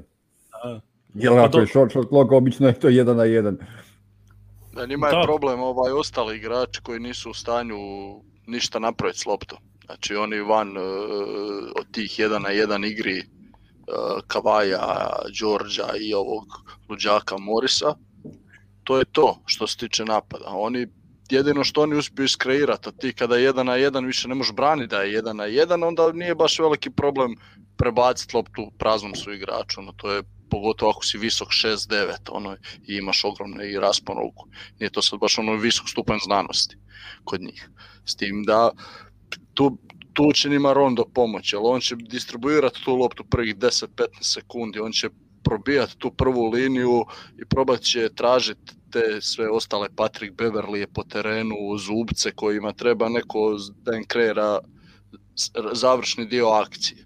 I onda ako se tu otvori prilika tih 30 poena, on stvarno neće imati nikakve frke u, u, kroz cijeli napad, cijelu godinu, valjda. Pod pretpostavkom da je Rondo ima noge za to. Da, to, to je, da, to je pitanje. A što te, te, te rotacije, baš, oni su Kenarda su platili ono 60, nikog 65 5 miliona, Ovaj, koji... bio je 14 miliona na 4 godine. Mislim, oni imaju cijelu vanjsku liniju Detroit Pistonsa iz jedne sezone, koja je ono, nije baš to pametno ima to. Hvala samo o pod Da, Mislim, Jackson igra i ono, odličnu sezonu odradio na ono, pa da, to da ne, bi se čudio da bude ono u peti član, ono, klač petorke, ono, kad se igra bez centra, ono, kad je Morris na petici. Pa to videli smo, mislim, baš, baš to ste rekli, nekonstantno sa te, sa te rotacije, jer Tennis meni je na trenutku igrao dobro, pod pa jednom ga nema nigde, ove, Beverly, ono, koliko s povredama, to je tamo Reggie Jackson, ove, ne znam, ono, ne, ne znam koliko da verujem Lu, baš da je to baš sva neka ideja, ono, kao da, da testira igrače, pa će onda kao sad da kristališe ove postavu. Gle, njima ako bude baš puno ozbiljan problem sa plevima, gle, pa valjda imaju još dva adresa za Tyrona Lua i si bilo, pa nek brate skidajte se. Po 10 minuta možda možete izgurat. ja ću s vama jedno pitanje, ako nije problem. E, e, koga vi vidite, znači kad makneš e, Kavaja, Lenarda, Kavaja, Đorđa i ubaci još bilo koja dva igrača. Koji je po vama na peti, šesti, sedmi član rotacije? njihova pa to je, to je glavno pitanje. Evo. Znači, ako i njih izbaciš, pa ko Ne, znači, ne računaš njih, oni su stalni. Aha, stalni, aha. 5, 6 i 7. Znači, imaš e, Đorđa, imaš, Lena, imaš Lenarda, imaš Ronda, Zubac je tu, i okay, imaš i Morisa. To je to. Dobro. 6 i sedmi član rotacije. Jackson i Ibaka. Ibaka se vraća, dobro. Okay. Da, to. Reggie Jackson. Jackson Luke Kennard. Ne, Luke Kennard ne igra. Ti bi ga uzeo i ko prvog, to, to nije taj daj. ne Luka Kenarda, Jacksona da. to... A i Batum ti je tu osmi. I Terence Mann deveti. Da, pa ne, to sad, sad ono, da li koliko, ko, oni imaju ti kao dosta igrača, ili Kazin si to, mislim, koliko će on, koliko će on njegov ego da istrpi da ne igra ni, minu, ono, ni minutu, na primjer, protiv Dallas, ako Dallas fura sa Paolom samo ili, ne znam, ono, sa, u stvari samo sa Porzingisom na petici da ga izvuče napolje, onda pokušavaju ono, mnogo bržom igrom. Ovaj. A što će Jacksona, ono, protiv Luki, ne znam kako njemu verujem. Ove, ovaj, njemu ne umerujem nigdje u obrani. pa ne, to kažem, mislim, to je nevjerojatno. Ono kao imaš tu sad ekipu koja treba bude defanzivno dobra sa PGM i Kavajem, onda treba se uzdaš u pokret, ono, pokretljivost Batuma i Jacksona koji kao treba brane Luku u nekim situacijama. Ali to će biti dobro sad ove godine, kužiš, oni prošle godine doslovno nisu imali e, beka koji je mogao pokrenuti napad. Bio je bek Lou Williams koji je zabio poene samo. I šta ovi ostali glume statiku, ono, u biti ne mora uopće ni doći do napada, ono, nek stoje u obrani, ono, šta nek igra ovi 3 na 5, neš ti. I ovi nek se odmara. Spomenuli Luku i branjenje Luke, znači, e, evo samo jedan podatak, e, Clippersi su najloši u ligi u branjenju ball handlera u piku. Joj. Ali ima i tu i druga stvar. Clippersi prošla sezona u seriji su najbolje branili Luku kad je Zubac bio na parketu. Upravo to, htio sam se na to dovezati. upravo to, znači oni će morati Luku braniti, e, kad se pogleda druga stvar, znači način e, igre Lukine u piku, znači ako ide u desno iz pika, u 86% situacija, odnosno i nešto više, završava e, sa prodorom na koš. Znači, nestaje, nema pull-upa, nema iz, iz e, driblinga, nego ide na, na obruč. A tu ga upravo oni mogu sa, sa zubcem ili sa ibakom čekat, čekat od ispod, znači igrat u dropu i čekati ga ispod. Sad je samo stvar match ovog e, blokera koji je u, u bloku, kako će njega u tom slučaju braniti, ali će sigurno sa Zubcem igrati u dropu. Ono što su igrali prošle sezone u play-offu, znači na Luku igrati u dropu i čekat ga pod obručem gdje je on Luka prošle sezone imao drastično ovaj, niže brojke u realizaciji upravo kad ga je Zubac čekao, čekao pod Znači ako igra Zubac u toj postoji ko onda, sa njim igra eh, u paru na, na četvorci, on onda igra samo nisko sa PG-em i Kavajem, ono 4 kao 4-3, i bekovima ili tu i Baka upada u četiri? Ma ne, i Baku nikako. Ja, I Baku i Zupca ne bi nikako igrao. igrao to, pa to pitan, da, zato da, da, da nikako skupa. Tu bi prije Morisa stavio na četvorku, pa onda, onda ovaj PG i Kawhi 2-3 i Rondo. Rondo, Ma uvijek imaš opciju da ubaci Bartoma. I tu onda imaš sve stavke pokrivene u toj petorci. Ono. Imaš centra koji brani Tako, obruč, imaš poja koji vodi igru, dva skorera sa, tri skorera sa strane, od toga jedan je dva su vrhunska spot up šutera, ako ne i sva tri. U biti sva tri su ono skoro tri level strijelci, u biti ne tri level, ili ne dodaju nikome skoro, ali i ono, pogađaju svih mogućih situacija. Tako da su tu nekako pokriven u oba, u oba pravca. Da, pa znači, obrambeno, obrambeno se može raditi e, svi osim petice, osim zubca radi switch. Bilo kakav da je, da je, da je ovaj blok se radi switch osim zubca. Znači on ostaje u dropu i, i zatvara u dropu obruč sam. Da, A i zubac ti, drži ovog Dorian Finney-Smitha i od njega se od, odmiče. Mislim da, da smith neće zabiti sigurno šest trica na jednoj utakmici. A isto zabije... da možeš ubaciti Batuma u petorku umjesto Borisa. Imaš i tu opciju, tako. I onda da možeš dobiti još više možda u obrani, a imaš u napadu spot up šutera kojim ne treba lopta i koji će kad mu dođe nekada lopta do njega, koji može staviti tricu kad ostane sam. I čak i možda bolje za protok napada. Pa znači, o, pa je to ono na sledeće pitanje, to je ako je zubac koji ide u drop, ono je postavi, uh, ko onda im ima postavka onda na, ako, mislim, pitanje onda na glavno Porzingisovo zdravlje ovaj, u toj situaciji sa pick and popom njegovim, koliko onda to može da kažnjava ako oni dropuju toliko sa, sa zubcem, što onda u toj situaciji, šta mislite, da li onda da to da na prvu da, da se ide sa Ibakom, međutim Ibaka, pa to, bar ono što igra ove godine, nema baš noge za, za, za te stvari, Ibaka bi bio isto, isto kao i Zubac prije u dropu, ja bi čak tu probao onda igrat, igrat čak sa Morisom na pet. Pa onda Moris, Batum mhm. i tako dalje. I onda je switch sve kompletno. Znači svi sve svičaju i... Pa to zato, ne zato kaže, pošto je to ono sad dilema njihova, onda jer, ako je zubec najbolje brani pik uh, sa Lukom u dropu, ono, ima najbolju uspešnost to, onda, onda imaš porzingi s druge strane, onda oni moraju da koriguju i da ubace Morisa ove, u Switch, koji znamo kako je protiv Luki bio, ove, da će biti Luka motivisan protiv mm. uh, seniora da, da igra ove play playoff, ove, to je isto. Ja ne znam, ja bez centra ne bih igrao uopće utakmicu ovu, znači gurao bi 48 minuta ili Baku ili Zubca, dok god imam tipa Dorian Finney-Smitha na terenu ili Dwight Pavela, oni će ih imati sigurno, 48 pa- minuta, tu bi ostavljao i Zubca i, i Baku, da oni drže. A Porzinis može prepucati svakoga, to je čovjek od 7-2, e, tako da protiv njega stvarno nemaš što, ako se on popa na 8,5 metara i pukne, nem, tu nema obrane, mislim, ti, ne, njemu možeš biti u majici, ali on tu loptu izbacuje jako visoko gore. Tako da on baš ni ne smetaš preveći. Uh, ajmo eh, prognoza i idemo na iduću seriju, imamo gužvu u čekaonici. ajmo, ajmo redom od lijeva. Miroslave, šta ti kažeš? Čuk. Uh, eh, u pet.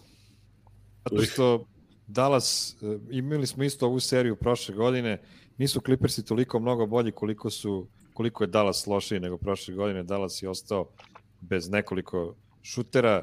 Luka ima mnogo manje opcija kada, kada dodaje lopte, koliko god imao, imali Clippersi mana, mislim da će lagano da dobiju Dallas u pet utakmica.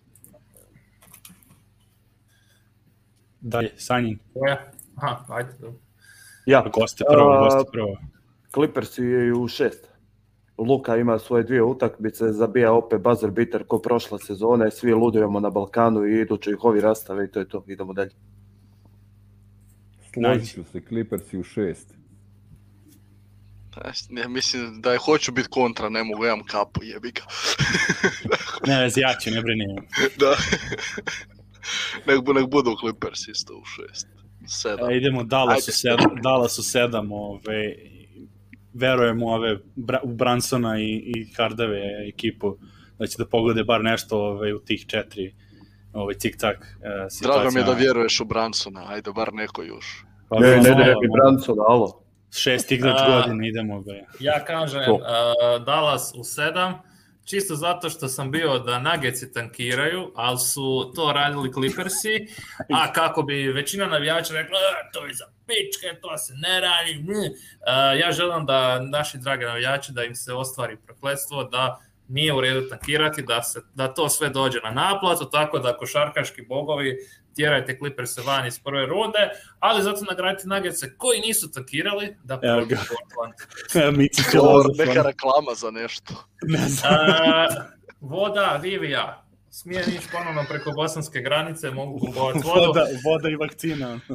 Ovo, da, uh, ja sam voda i lažni testovi. Ja sam danas sponzoriran od strane Pfizera, tako da ako budem rekao neke glupe stvari, čisto da se zna da sam pod utjecajem cijepiva. A, A čekaj, na... sad više ne moraš kupovati lažne testove po Bosni kad se vraćaš u Hrvatsku. Mogu i dalje, ali ono, samo za preprodaju, ne za sebe. zato i otvaram firmu. Ajde, ovaj, ispretaj mi jednu deset komada. Čirilicu, može, može. Idemo, idemo dalje ljudi.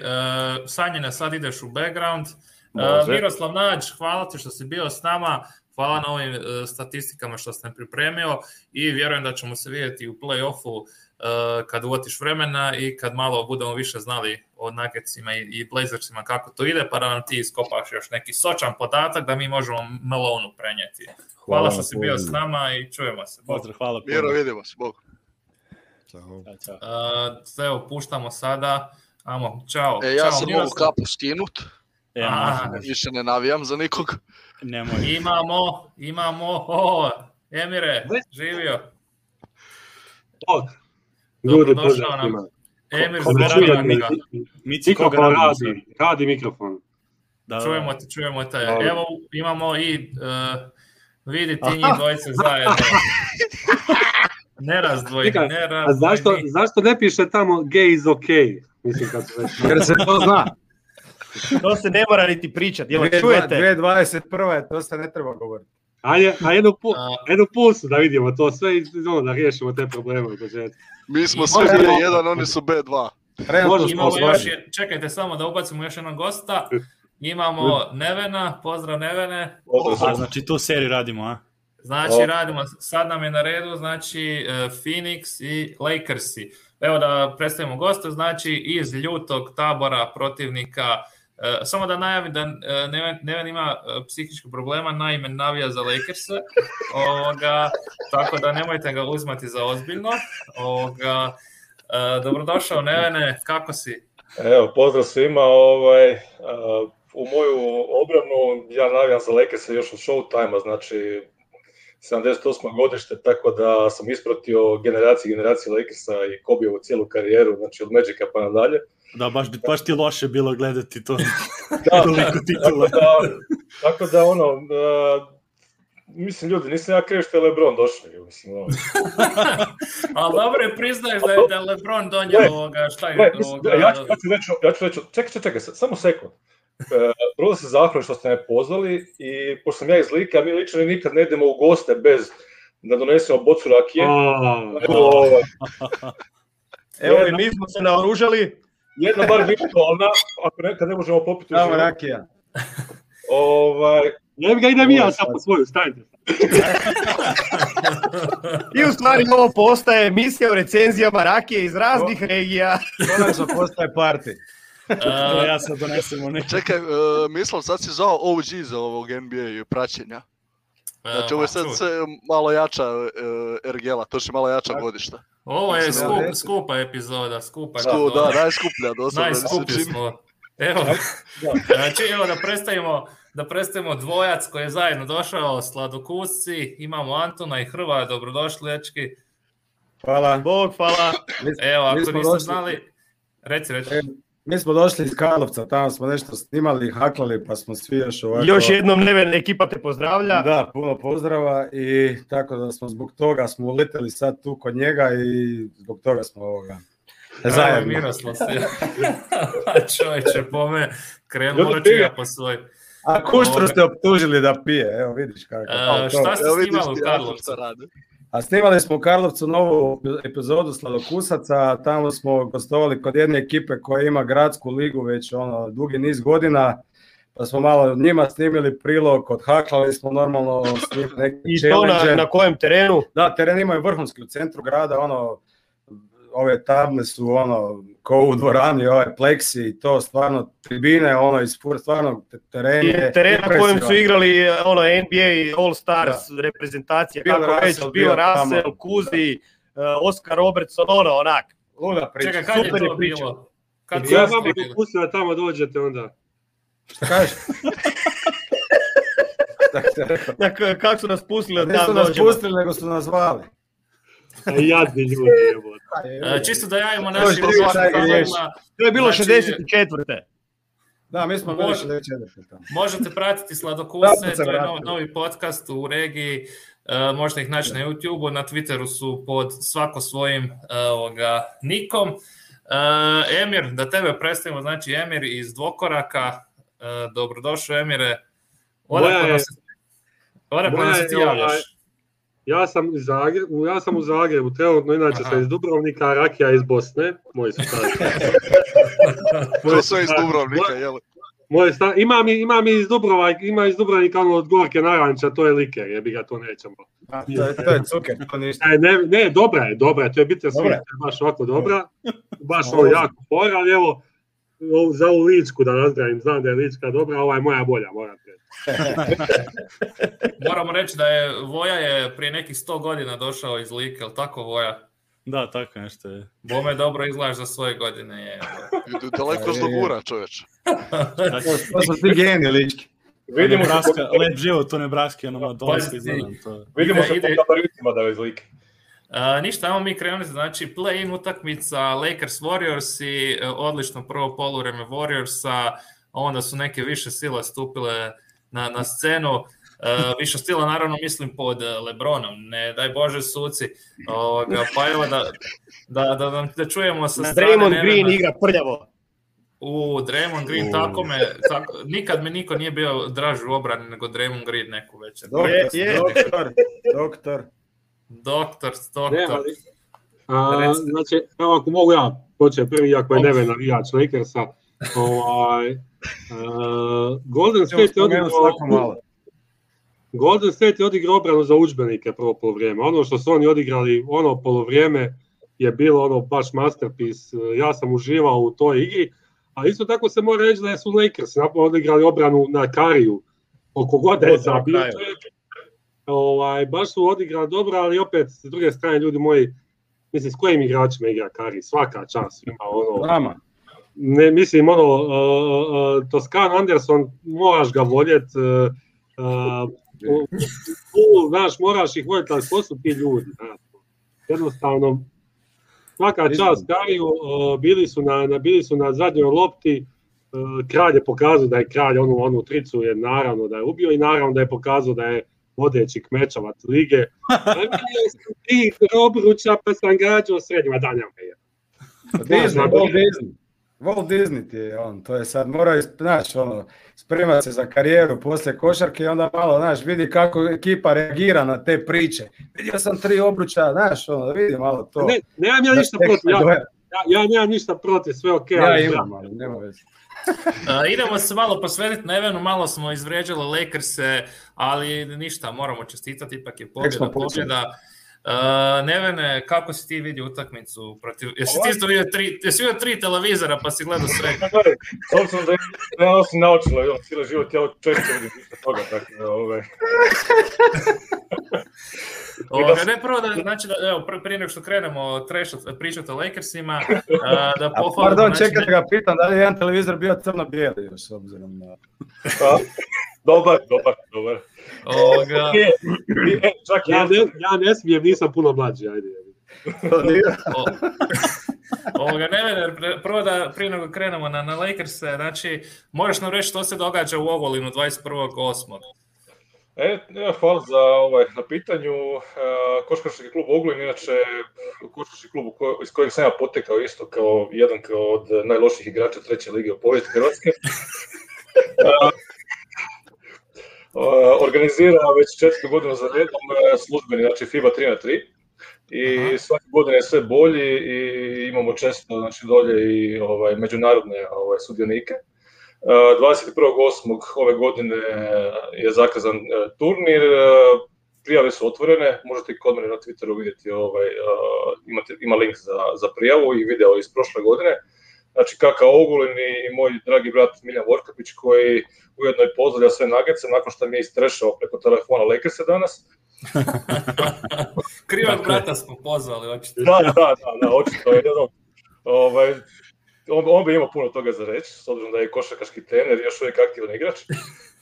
E, e, I znači, apsolutno ono, poziv svima, turnir je svake godine super, znači baš prva liga zabava, ono, burger i pivo za sve, osta, za koje, sve koje ne igraju, onda parti kroz, kroz cijelu noć na, na košarkaškom terenu. preko cijelog terena, znači to je vanjsko igralište ono, na kojem smo doslovno odrasli, sad je prekriveno ovaj, znači, Enlio podlogom, službenom podlogom. I tamo je preko cijele godine, to su dečki prošle godine radili ovaj, eh, crowdfunding i evo, svi smo nešto ono, ubacili i tako da evo, pro lega klinci mogu uživati ono, konstantno tamo i kogod, znači, kogod dođe. nekakav znači, fond eh, ovog turnira za, sada je, znači prvo mjesto je 7,5 tisuća kuna, to je nekih znači, eura, drugo mjesto je oko nekakvih 250-300 eura i treće mjesto je e, oko ne, 500 kuna, to je oko 60-70 eura. Znači ono pobjednik može sa 1000 eura u žepu otići, e, to ću vidjeti, možda, se još čak bude dizalo, vidjet, ćemo i postoje nekad pregovore sa još određenim uh, sponzorima, ali u svakom slučaju, evo, ja definitivno pozivam, evo, ovo je majica koja je bila prošle godine, bi u čast. Puno niže. E, neću, ne, ne, ne, ne, se. Ovaj, jedan sam i nauk od ovde, znaš.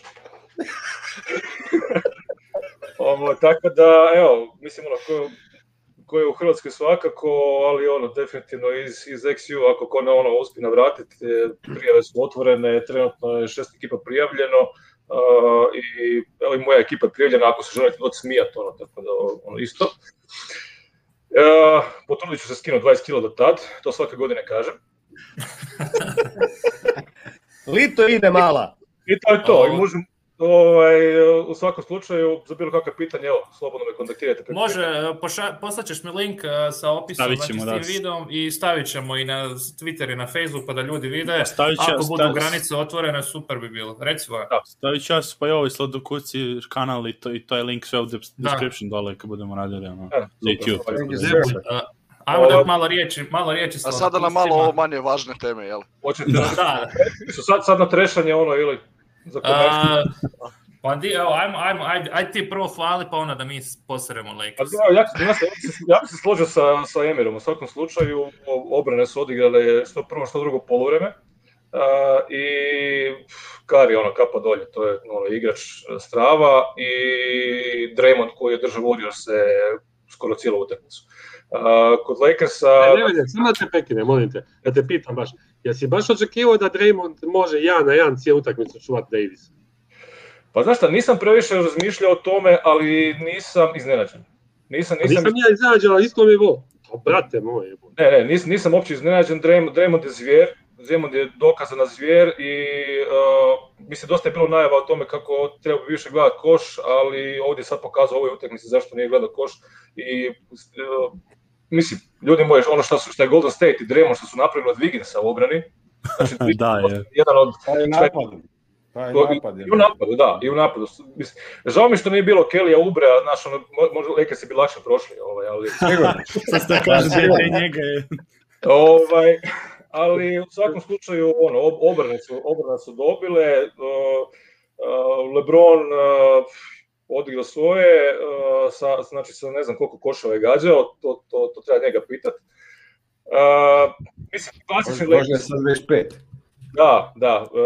mislim, znači onako, ajmo reći, za, za ozbiljno dosta, njima je štema, tek su se okupili cijela ekipa, nisu, ni, ni, dosta utakmica nisu odigrali ono kompletni ja mislim da će to sad ići puno, puno bolje, pogotovo protiv Sansa koji su im jedan fenomenalan mečap.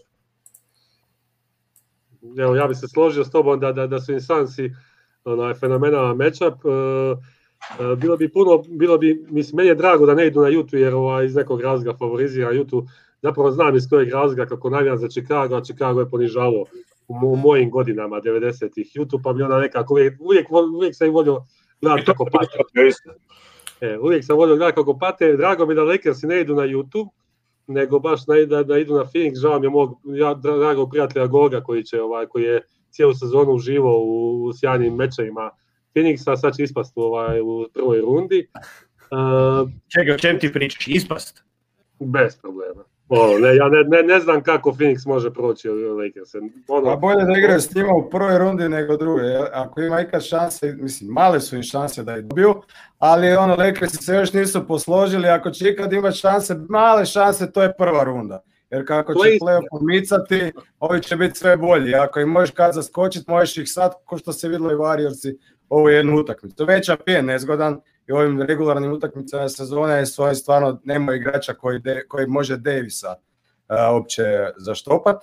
Ali ono, se nisu izgledali nepobjedivo barem u ovoj utakmici, tako da mogli bi im bar neku frku stvoriti. Ono, ne? Mogli bi, Phoenix, Phoenix mora, mislim glupo je to reći, ali mora pobjedi prvu. Baš ono mora, mora radi ikakvog ono, psihološkog da, momenta, jer ovaj, ako Lakers uzmu prvu, mislim da je to ono, Phoenix, Phoenix je na nagrnut ko, ko na Normandiju. Ne, to, to, to je baš mora se, mora se prvo, oni moraju dobiti, ja ne znam kako će uh, e, riješiti oni match-up sa Davisom. Ne, ne, Davis, a ne, treba ga pustiti. On nek zabije svoje, a ostalo treba uništiti. Da, ali pazi, to ne možeš ga ni udvajati, ne možeš ni... ni biće, to ne. teško za Sansa. Pa pustiš ga jedan na jedan, nek zabije svoje, a ostale zaustaviš. Nek samo oni ne drže nekako ako za Davisa kažem opet koji za Porzinisa, on može pucat preko svih igrača koji ga čuvaju, tako da je nebitan. Znači ti, šta, on kada stane na polu distancu na 6 metara, ko njega, ko, može smetati? Tremont Green. Pa samo sam sebi, ono nešto ne pogađa ove sezone, koliko je, koliko je pogađao Bablu, mislim, ono Bablo je stvarno bilo za njega istorijski, a, a ja ne znam ovaj taj matchup, ja, ja isto mislim Phoenix da bi mogli da, da pomoći nešto, ne zbog tog Davis matchupa, nego um, Šrudera su sklonili sa klub, ono, sa, sa terena u zadnjoj četvrtini. Koliko će to da utiče, ovaj, pa, mislim, Chris Paul na njemu, ono, mislim da, da će ga Točno. rasturiti. Ovaj, koliko će to Vogel onda imati, jer ono, da li on što startati onda sa Karusom ili Metizom, ko što su radili posle u klaču, ili to da, da se muče sa, šu, ove, ovaj, sa Šruderom celu takmicu, ove, ovaj, jer tu odbrani videlo se ono, ah, šta onda sa Heralom posle treba Herala protiv Šarića ili nekog ono uništići. Pa, uništići što se tiče Sansa, njihova velika šansa, mislim što bi mogao biti jedan od problema za Lakers je taj pick and roll e, pola. Znači, s kim, da li sa Etonom koji se dosta, dosta, dosta dobro igra taj pick prema unutra, ovaj, onda šta, postoji normalno, je šta dobiješ na, na vanjske pozicije prema, prema ovome, e, bože, Bukeru prema, prema Bukeru, prema Bridgesu, evo Michael Bridges, je, mislim, on, on mi je jako dobro, jako dobro cijelu sezonu, on bi recimo mogao, ajde reći, ići na Lebrona, ovaj, uh, prije, čak prije nego Crowder u, u, ovaj, u obrani, ali e, ono što će biti bitno kod Lakersa da to brane je prvenstvo, znači branjenje tog pika i branjenje bez lopte. A tu je recimo Caruso i, i KCP i, i Matthews, ono stvarno mogu odigrati dobro stvari, dobro su pokazali, a imaju već jedan playoff iza sebe, tako da to, to, to trebaju ovaj, eh, ono, trenutno sam se na taj način po meni.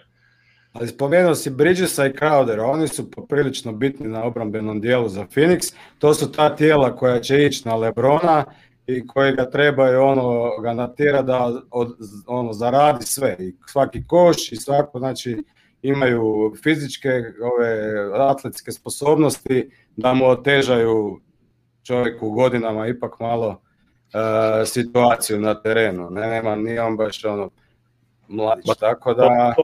Da, pazi, samo Lakersi, znaš šta, oni, oni su kompletni i treba izgurati treba dobiti Lakersa četiri utakmice. Pa ne, apsolutno. Mi sad nagađamo ono šta bi moglo biti Ma, lovimo se za tu malu nadu koja eventualno postoji.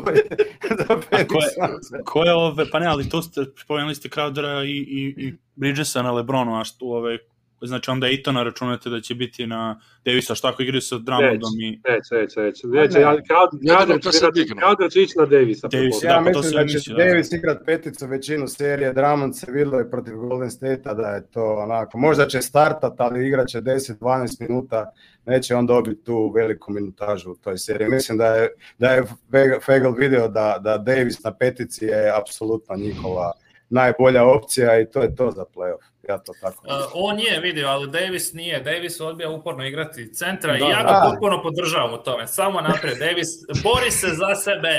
Ne daj da svi iznad 2.05 centri. Ovoga, ajmo polako završavati ovaj dio da možemo nastaviti dalje.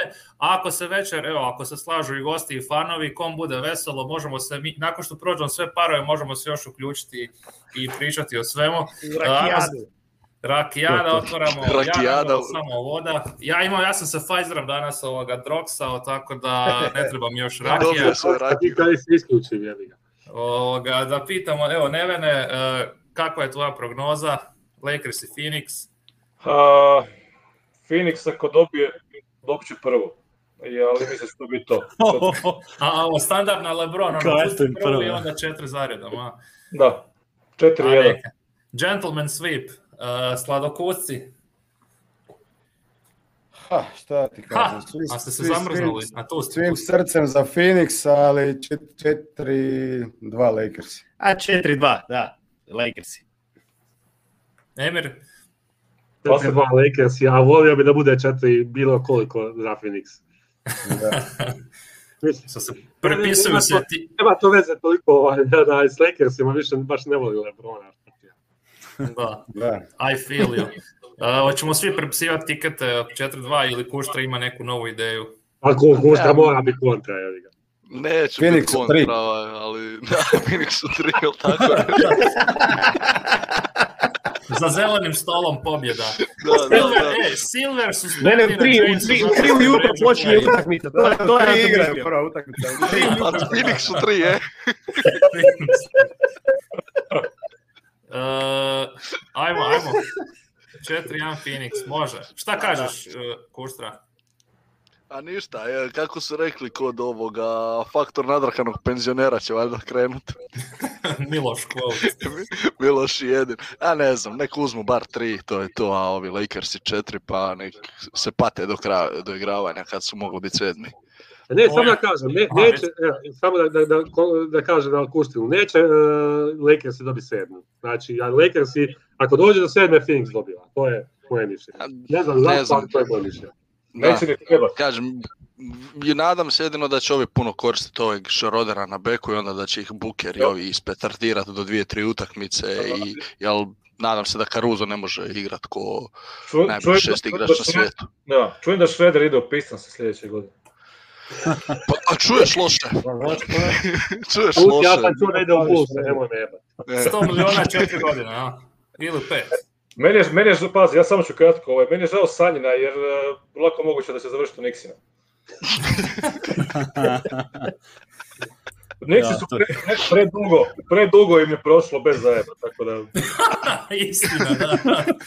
Najbolja sezona kad su, gledano, su potpisali osam power forwarda, to je bila najbolja odluka. Vidiš, probrali su najbolje gemiga. si imaš... što... njima Alfred Payton je startni point guard i došli su do četvrtog mjesta. Ako dođe Shredder, bit će prvi na istoku. Da, gledaj, pa nek si pred sljedeću sezonu imaš 60 Mali Shredder iz Ninberga. Ovoga, je jel Kanđija tu? Jel trebamo slati Kanđiju link, dečki? Kanđija, e, evo sad. Kanđija je u, u tranzitu. Više, kad se treba spojiti? Kad se treba spojiti, pita. Uh, samo malo da vidimo raspored. Sada idemo na uh, Utah, Golden State. Čekaj, vas dvojica, Voja, Mislav, šta vi kažete? Evo? Ma što da je bitno što oni kažu. Ma briga, ja samo za Denver gledam. Ali, Phoenix, Phoenix Metla Phoenixa. Metla, povešće sami za sobom. 0-4, šalim se, ne. E, srce kaže samo da Lakers ispadnu, ali realno, realno bit će 4-0 za Phoenix. To je to, dečki, nemamo šta raspravljati. Veli, uh, Lakers je Phoenix, Denver u 5. Može. 4.30 Denver. Uh, e, Voja, što si ti rekao? Phoenix 7. To, ništa, Nevene, Nevene, tebi se zahvaljujemo. Što, evo, ljudi. Drago mi je da imamo i tebe i Aleksa.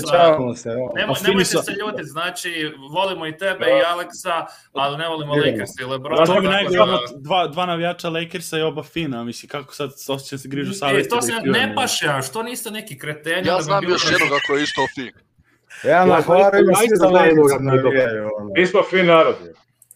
E, Samo malo da najavim roster za iduću utakmicu, e, za idući matchup, znači imamo Voju, e, Anton koji reprezenta Golden State Warriors, pretpostavljamo da će oni biti broj 8, Hrvoj ostaje s njim, ono ubacujemo na Emir ostaje, ulazi nam Ratko, ja se izbacujem, Jel, ovo, je teže nego rotaciju NBA. Šta, pa, Mici može to sve i u sebi, znaš. Ma neka da ljudi znaju šta se događa iza scene. E, ovo je, znaš, ono, četvrti zid je slomljen. Pa ne moraš ajde onda, ajde onda prestane pričaš, rotiraj ekipu. Ma idem sam sebe izbaciti. Čekaj, evo ga, Ratko, koga smo, znači Neven, Neven ovaj. Vidimo se, Neven. Ćao. Neven je bog. O, gde ste ljudi? da nas ja, koga, koga su oni otišli, ne znam sad koja e, je to. Ja, treba ko je Ne vraćamo. Nemoj da sanj nam vratimo. Čemu ćemo samo dvojica? čemu pričat, pobogu? Pa pričamo, pazi, Utah, Memphis ili Golden State. Ove, ovaj, idemo, ovde nam je Ratko glavni navijač Utah. Ove, ovaj, Emir je sekundan, tako, ti, zbog što su napaćeni ovih godina, pa, pa zbog toga, to. Uh, Ratko navija čuta, on je on isto to ono, napaćen. Da, ono, Ratka prebaci ispod, ovdje ispod Emira, kao da se tuku cijelo e, sad ću, sad ću, ga. E, to. to ta, taj tamo desni dom. Ovaj. Začelje, začelje. Ajmo ovaj prvo, mislim, najbitnije, ovaj, povratak Mičela za playoff, ovaj, šta, Ratko, ajde ti sa tvojim optimizmom uvek pred sa e, Jutom. Pa, to je tvoj za fantasy povratak Mičela, a za Utah možda nije ni bitno toliko, ovaj, Volao bi Golden State, iskreno, samo to ću reći. Volao bi malo da se pomuče, da ne uđu sa 4-0, 4-1 u drugu rundu. Samo toliko. Malo pa optimizma. Kratko jasno. Da. Pa ne znam da bi bilo, bilo ja mislim će metla biti u oba slučaja. Pa vidi, pazi, ovaj, e, u, se, u sezoni je bilo 2-1 za Golden State. Uh, da, I da se razumijemo, ja mislim da će Golden State, iako će to biti večeras e, opaka partija, jer ono što je, što je Golden State napravio e, Ja Morant u prošlu nedjelju je bilo malo bolno za gledat, ono je bilo tu teško zagledat. onako podcjenjivanje, onakav status Tony Allena nisam odavno vidio. Uh, I ja, Morant mora puno, puno kruha papat ovog ljeta, jer se ne smije dozvoliti da on ima, evo, sad se ne mogu se tri ili četiri 30 je Kari ne ide na njega, nego ide na udvajanje, na ono E, već na kontru. Znači, ono, dva metra, onaj napad gdje je dva puta zajedno imao, ono je baš tužno bilo zagledat E sad, ja sam siguran da se mali napalio večeras, e, tako da će biti ta utakmica ono jebena. Ne bi se čudio da Memphis dobije i tu bi mogao igrati veliki faktor e, Valanciunas koji je ono, ispod radara ima pomalo ispod radara ima sjajnu sezonu. Ovaj, I, i, i i Golden State je sigurno se malo više psihički strošio u ovoj utakmici jeli, e, protiv Lakersa. Ja mislim da ja navijam za Golden State da, da to prođe, volio bi, ovaj, bez obzira što će Juti onda biti teže. Mislim, ja nisam neki navijač Juti, ja sam simpatizer jer ja volim ove... to, Je, to, je, to je maksimum što i može biti za Jutom. E, vjerovao ili ne, moja dva dobra prijatelja iz Dubrovnika, Mrli i Pero, su baš jebeni navijači.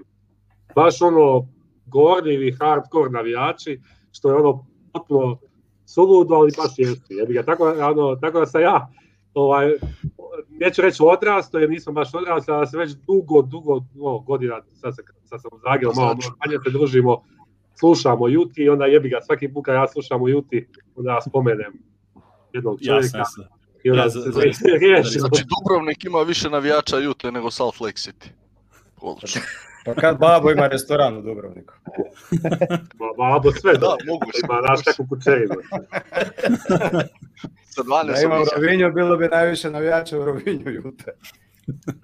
Emir je simpatizer Jute još od kad je Krešo Čosić bio poglavica tamo u Mormonu.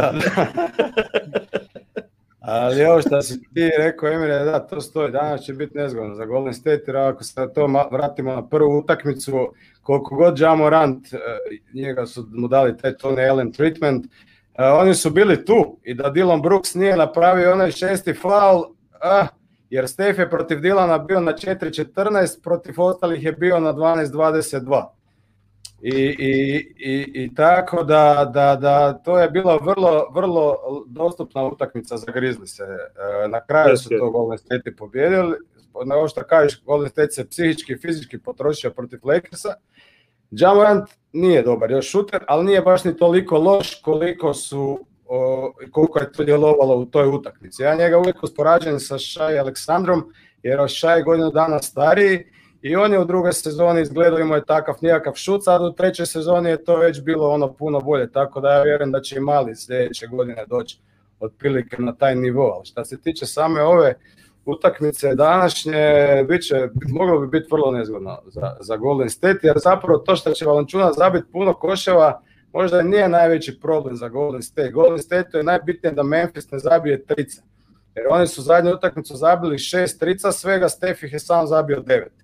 Znači, ako, ako, ako a je, ali ako, ako ovaj dođe, ako dođu Memphis na 10 trica pogođeni, e, bit će vatre Golden State. Pa mislim, a nije, da, nemaju, a nije nema ko da šutira, nego pitanje samo nije iskustvo. Ja e, recimo onaj Bane je zadnji nema, bio neko će pogoditi, ne hoće šutirati. Da, Bane je bio, zabio par trica, ovaj J, Triple J zabio par trica, tako da, ono, nije, nije da nema koji staviti. Ono, tako da nije da nema i bit će, mislim, kažem, ono, ok, vidjet ćemo to, ali evo, ako ćemo preskočiti to, pa ono, reći o ovom matchupu, uh, UT i Memphis iz nekog razloga odgovara. Mislim, iz, da, jednostavnog, iz jednostavnog razloga, jer uh, ta Valanciunosova energija je pored Gobera. Pa i opet ono što je rekao, Morent ne šutira, ono može drop Gobera ako ništa. Ono.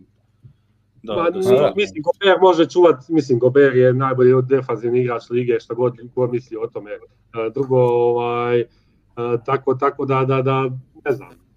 Ja, ja, ono, što se tiče Jute, bi volio da bude Memphis, što se tiče zanimljive, ovaj, kako se kaže, serije, bi volio da bude Golden State i što se tiče Karija kojeg moraš voljeti, volio bi da tek uđe u Ako pa, Golden State, mislim Golden State to može da bude efekat, ne znam da se slažete, ovaj, ono, tre, ove za, ono, za, za bronzanu medalju, Ove kad izgube onako emotivno polufinale, onda dođu ove koliko to samo može, samo dva dana prošlo. Istina, istina. Emocije, NBA liga. Ne ide. A dobro, to je da. Uh, ajmo prognoze. Uh, Dylan Brooks manje ili više od šest po faulova? uvijek više, uvijek više. Lik je drugu godinu za redom, ima najviše faulova u NBA ligi, to je prvo krilo koje me uspio, znači centar, ne znam, par centra je prošlo za rukom, da ima dvije sezone za Real najviše falova, on je prvo krilo ili bek u povijesti NBA, da ima najviše dvije, e, falova dvije sezone za redom, tako da uvijek više od šest. ja imam jedno drugo pitanje. Dylan Brooks e, manje više od 7,5 isciglarenih šuteva. Manje. E, to, bi mogao biti ključ utakmice. Ako ih isciglari više, dobit će Golden State. Ako ih manje, mogu bi dobiti Memphis. Ah. Ja baš volim tog Bruksa u pičku Ja sam orego na to, Milina. ozbiljna partija protiv San Antonija, baš ozbiljna. E, u oba da. to, Nećeš ti nekog uspjeha protiv San Antonija. A dobro, treba i to je. Ove, što se tiče, ove godine ne, ne, ne, ne, podnošljivi, majke mi mile. pa doćemo i do njih ne vreni, ono, to imamo spremno. Eh, hvala Bogu da će biti tu, jebo. ove, što tiče Utah, da se vratimo da budemo ono ove, ko TNT ovi, ono, koja je najbolja ekipa da ih zaboravimo. Uh, što se ove, oni ono, Mitchell u play-offu prošle godine izdominirao za ovu godinu, šta sad, pošto se vraća iz povrede, ove, koliko njima oni taj procenat šuta će da bude klimavio u play-offu ili mogu da izdrže to isto, sad ima ono dvojica ovih šestih igrača, Ove, da, li, da li će ono da regresiraju malo više na forsiranje pika sa Mitchellom ili, da, ili šta je bolje u stvari, da li da vrte to da on pogađa onoliko koliko je pokuša da pogađa ono koliko je ovaj ili da i da ono njihovu igru koja iz regularne sezone kruženje pa njih pogađaju svi ako mogu. Šta je šta je njima ovaj što manje Mičelo izolaciji, mislim, to ne volim da gledam, ono, osim ako nije zadnje dva minuta, ono, to... Samo da igraju ono svoju igru, protek i to je to. Da, sad ima i Bogdanović. Prva runda playoffa, da, ali dalje... Znači, dalje neće, pa dalje samo tako. Dalje se i ne nadamo, to je to. Prva runda prolazak i dalje to je to. A kad se okay. zapravo vraća? Kad, kad je potvrđeno da se Mičel vraća? da se službeno vraća za doigravanje. Znači, znači on je navodno danas prvi imao kontakt s loptom. Ovo je, znači ništa onda, odi meni fantazi. To je dvije utakmice, znači neće igrati. A da. Uf. Ajmo Golden State. We believe Warriors, drugi dio. Jer oni su njih dobili dvije utakmice kad Mitchell nije igrao. Mislim, koliko god Mitchell to carini tu loptu, ali on je Glavni faktor za Utah. Šta je Zeklov ono rekao, jebi ga na kraju se ipak igra za scoringe poena. Pa Svi mi znamo kružiti s loptom. na kraju to treba neko probući kroz obruč.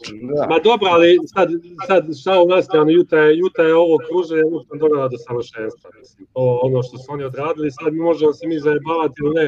A imaš Gobera u obrani, imaš 48 tisuća šutera koji imaju najmanje 38% šuta za špicu, onda ti je ono, ne sve je to lijepo, ali treba vidjeti u play-offu. Do sada se još nisu iskazali u play-offu. Isti ti pa ljudi... Nisu, bili favoriti još uvijek. Prvi put favoriti sad, posle pet godina. I još i to. I još i to.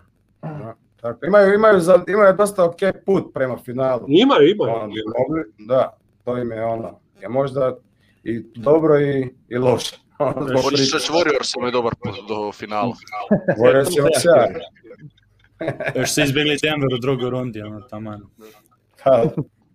Mislim, Warriors si svaka čast, ali znaš, tu nemaš igrača za bi napraviti nešto više. A dvije utakmice, to je to, ako. Dvije utakmice, to je to, upravo to. Je. A, ako mi e, je ono je ono pravilo, na dvije dobivene, onda bi imali mm. šanse sa svima. O, ko o, Hrvatska liga, Gorica Zadar, na dvije dobivene ima Gorica šanse. Baš tako. Pa da, kad se sve sad... I čestitke HK Splitu. I čestitke HK e, Splitu, u finalu smo i aj vam je ove ovaj šest igrač od ove dvojice? Ove, e, stvari, prvo pitanje, ošte li treba, e, jel, treba bude dozvoljeno da dvojice iste ekipe budu u kandidaturi za šestog igrača, jer to matematički mi ne ide kao inženjer. Trebali bi zajedno pobjediti. ko, ko nas dva. ne, u si da je to ono, baš matematički gledano malo onak suludo, ali rekao bi da je ova cijela sezona Jute baš malo drugačija i posebna, pa na neki način i ima smisla. S obzirom koliko jedan i drugi znači doprinose, ali ako se valjda već mora podvući srta, evo pitao si meni ipak ponosni sin Filipina, a ne Australije bio taj koji, ovaj, koji bi trebao odnijeti nagradu. Derek Rose.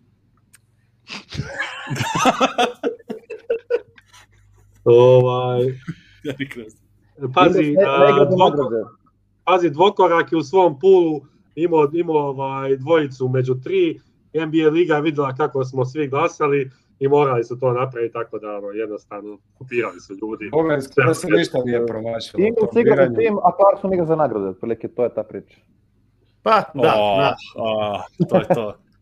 ja, sam, ja sam imao za vašu, ja sam prvo stavio njih dvojicu i ove rozore i onda sam to slušao, rekao, taj kako možeš, ono, šesti, mislim, kako dva šesta, i onda sam ubacio Bransona. Onda je su onda je da, da, da. Ne biram sedmog, nego šesto. Pa to, to. TJ McConnell je pokrađen. Ne znam, je li uopće ima neko, je pravilo to tog šestog igrača, tipa da li ono, postoji neki broj utakmica koji ne smije startat, ono, tipa... Ima, ima, E, ima, ne, ima samo ako ono je više, za, više startovo od, od na klupe, ovaj, to je kao... Mora, Sad će će Ne može izađi van, nisam, A... dobro smo. Čujte, ajmo, prognoze, moramo dalje. E, ajmo krenuti od... Može, 4-2 kod Golden State, 4-0 ako je Memphis. Za Utah. Za koga 4-2? Ako je Golden Za Utah, oba, oba Utah. E, 4-2... Aha, ko je Ratko? Ajde. 4-2 Golden State, 4-1 Memphis. Ako bude.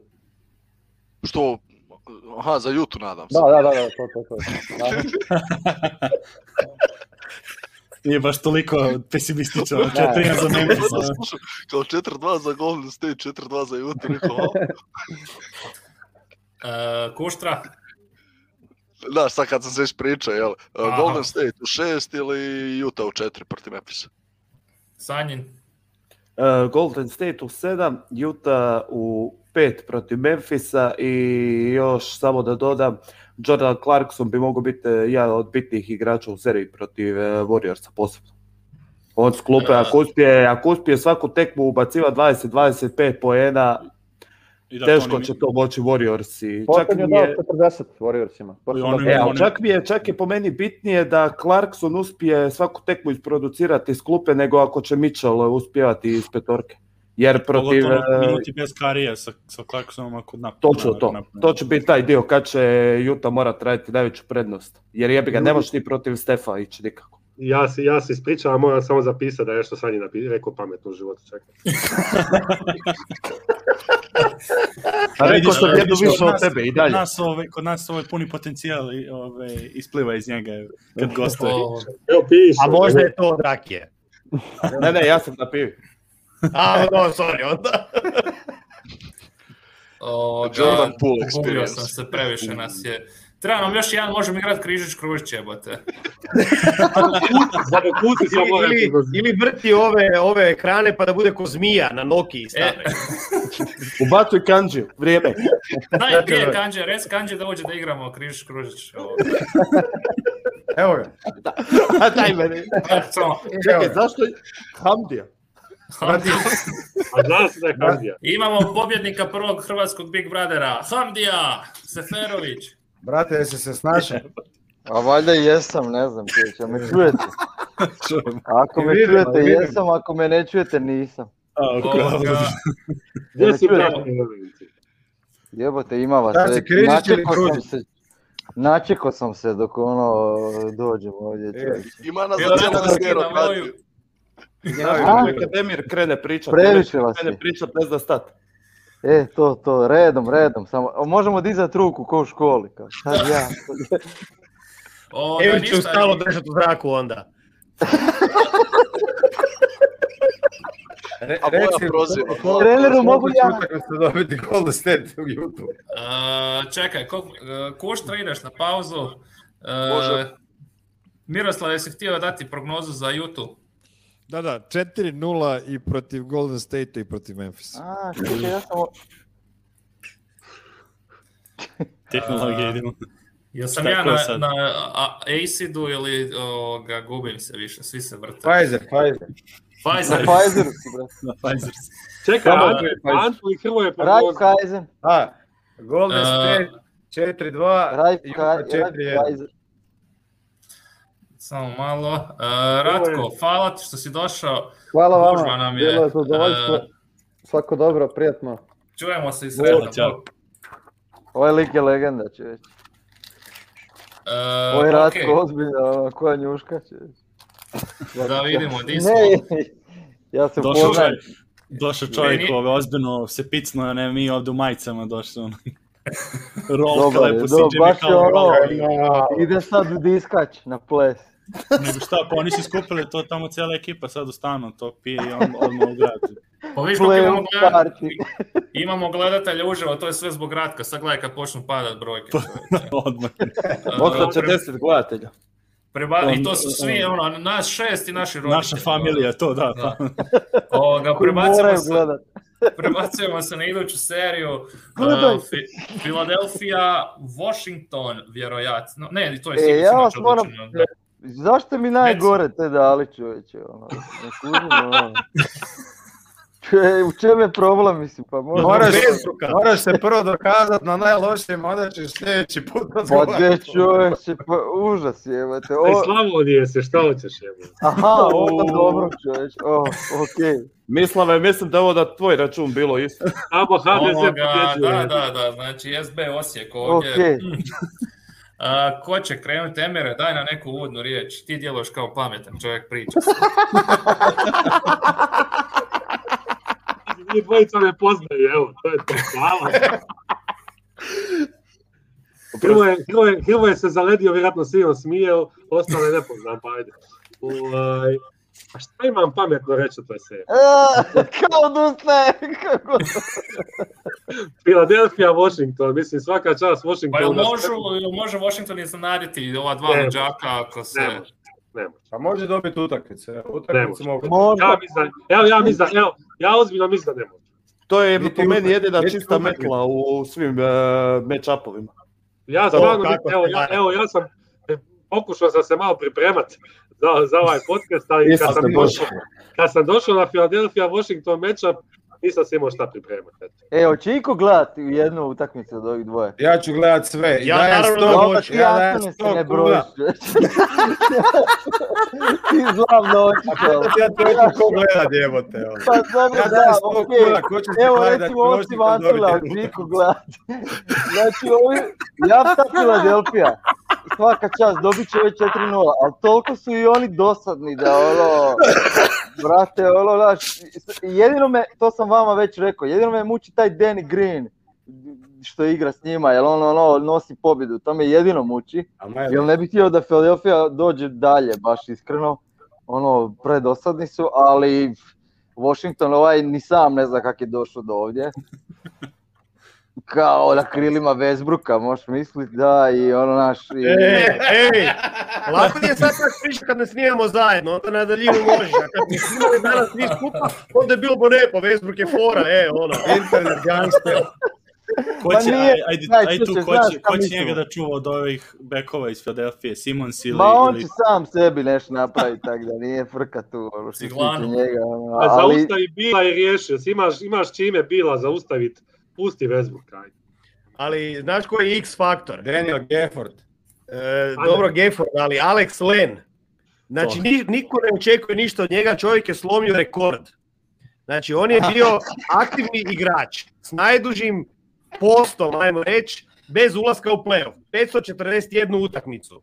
I evo to je sad gotovo. On će ući u playoff prije Bukera dva i pol sata prije njega, ali dobro. I, i Alex Len, on će biti X faktor. Svi znaju, Bill će trpat svojih 46 u prosjeku za seriju, a serija će biti uh, e, na sedam će ići. Uh, e, Westbrook će, Westbrook naravno triple double. I Len triple double. I, i Len, Len će tu biti ovaj, uh, X faktor.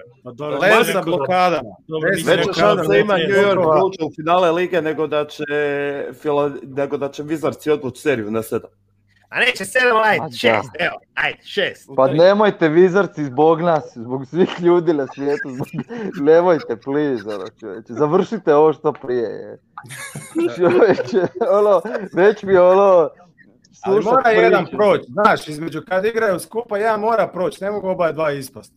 Pa ne, proće Filadelfija, to smo ustanovili već, da, ali ono opet, što prije prođe, eto, da možemo ići dalje. Ja pa mislim da, to da, pa da, komentatorima koji budu morali prenositi tu utakmicu u glo doba noći. Uf, I ljudima pozdrav koji su zaslužili plaću. Pozdrav Vidu Horvat.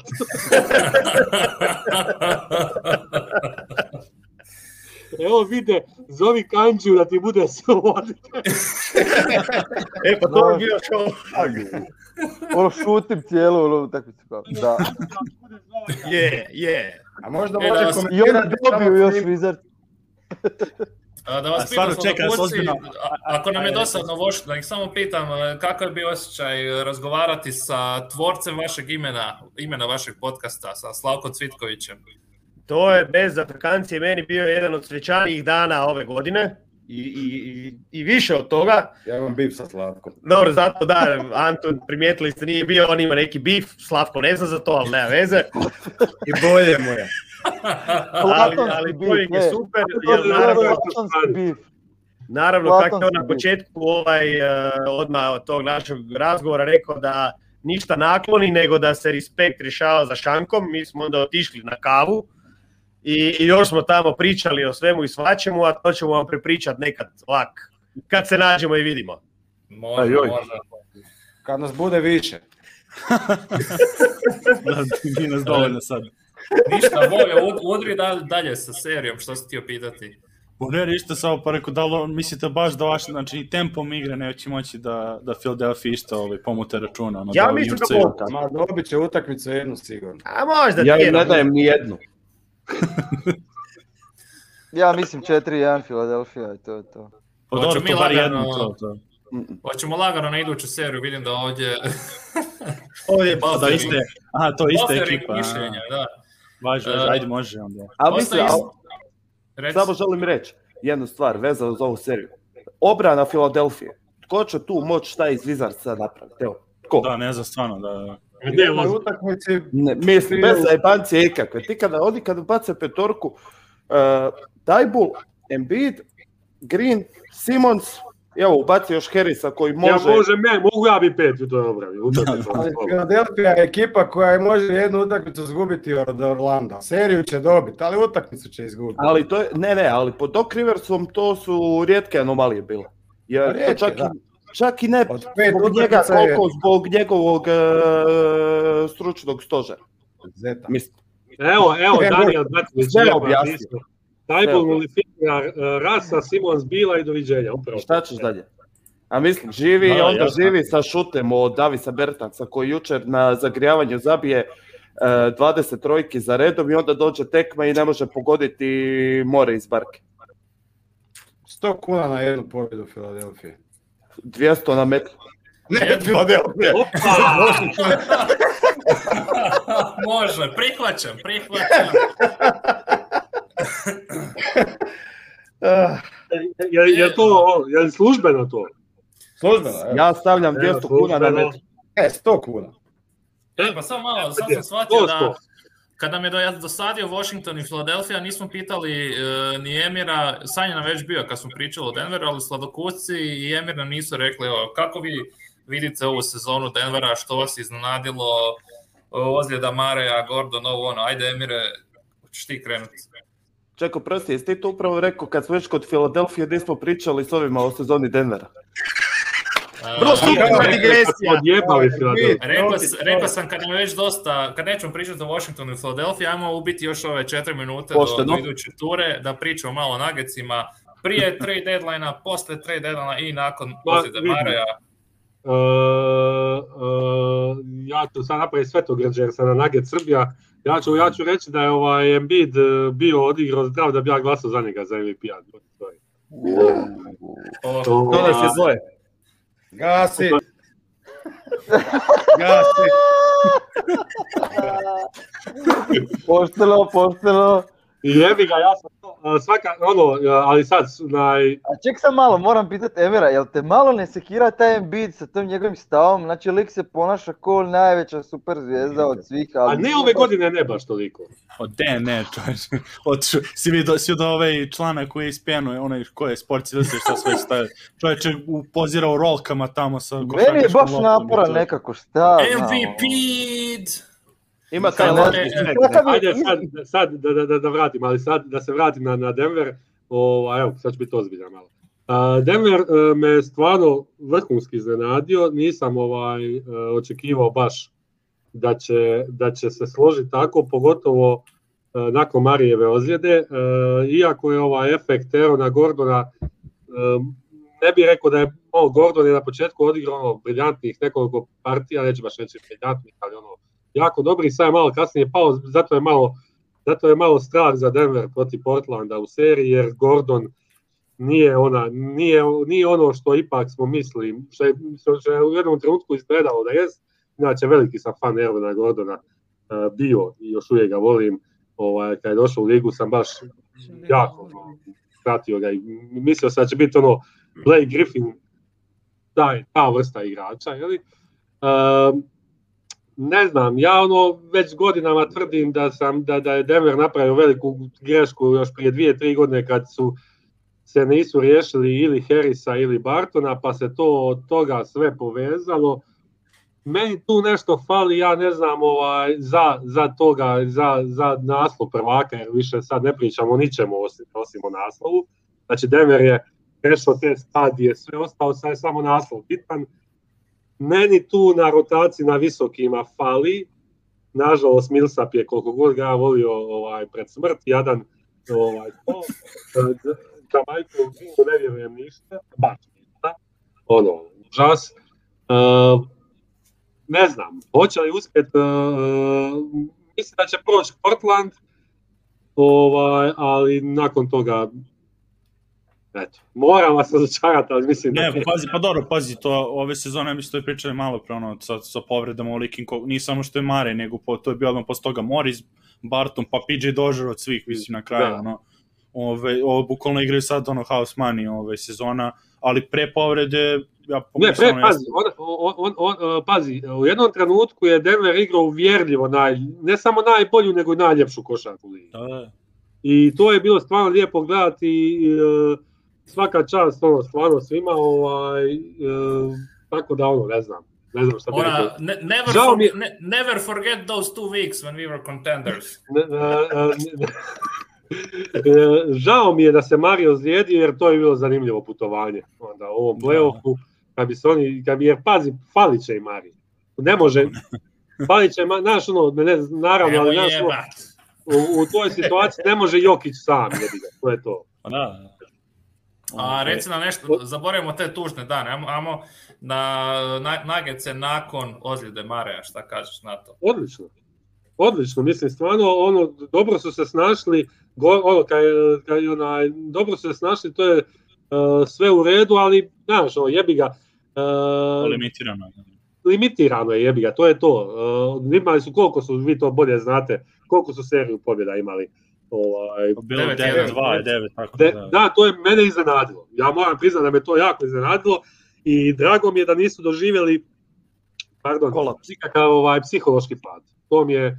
To mi je, dobro, sve ok, ali jebe, nije, nije samo Jokić. Ali tu, znaš, ono, držali su se dobro, e, baš ti bude žao što je se Mario zvijedio, jer ono izgubili smo jednog pravog kontendera, ovaj, čak eto i mi neutralni navijači u toj situaciji E, nismo navijači, izgubio si A meni je uvijek to ono žao, ja koliko god, evo recimo malo prije kad smo pričali o Lebronu, ja koliko god ne volio Lebrona, nikad ne želim da se razumijemo, ne želim ozljedu niti jednom igraču, to mi je uvijek ono žao, e, e, tako da je, žao mi je što nema, žao mi je što nema Marija, ali jebi ga. Prvi ja uopće ne mislim da je, oprostite, dečki mogu ja na brzinu. Ili ćete vi... Jeste se vi smrzli? A šta, trebali smo biti zajedno u sobi, le, ja ovo spavljeno. Šta smo ti trebali? Šta ti otišao? Onda ne bi smio ovo ne kriv, čovječe, vozio sam cijelu noć. 120 ovaj. sat. E, šta sam htio reći? Pa meni ne znam šta znam, ne fali mi ovaj Mario uopće toliko zapravo iznenađenje, ali da, da je onda će biti... reći Michael Porter Jr. E, nisam još to htio, ali na kraju bi sigurno i to rekao, da, ovaj... Ali, pa da, ovaj e, Michael Porter Jr. je malo tu skočio.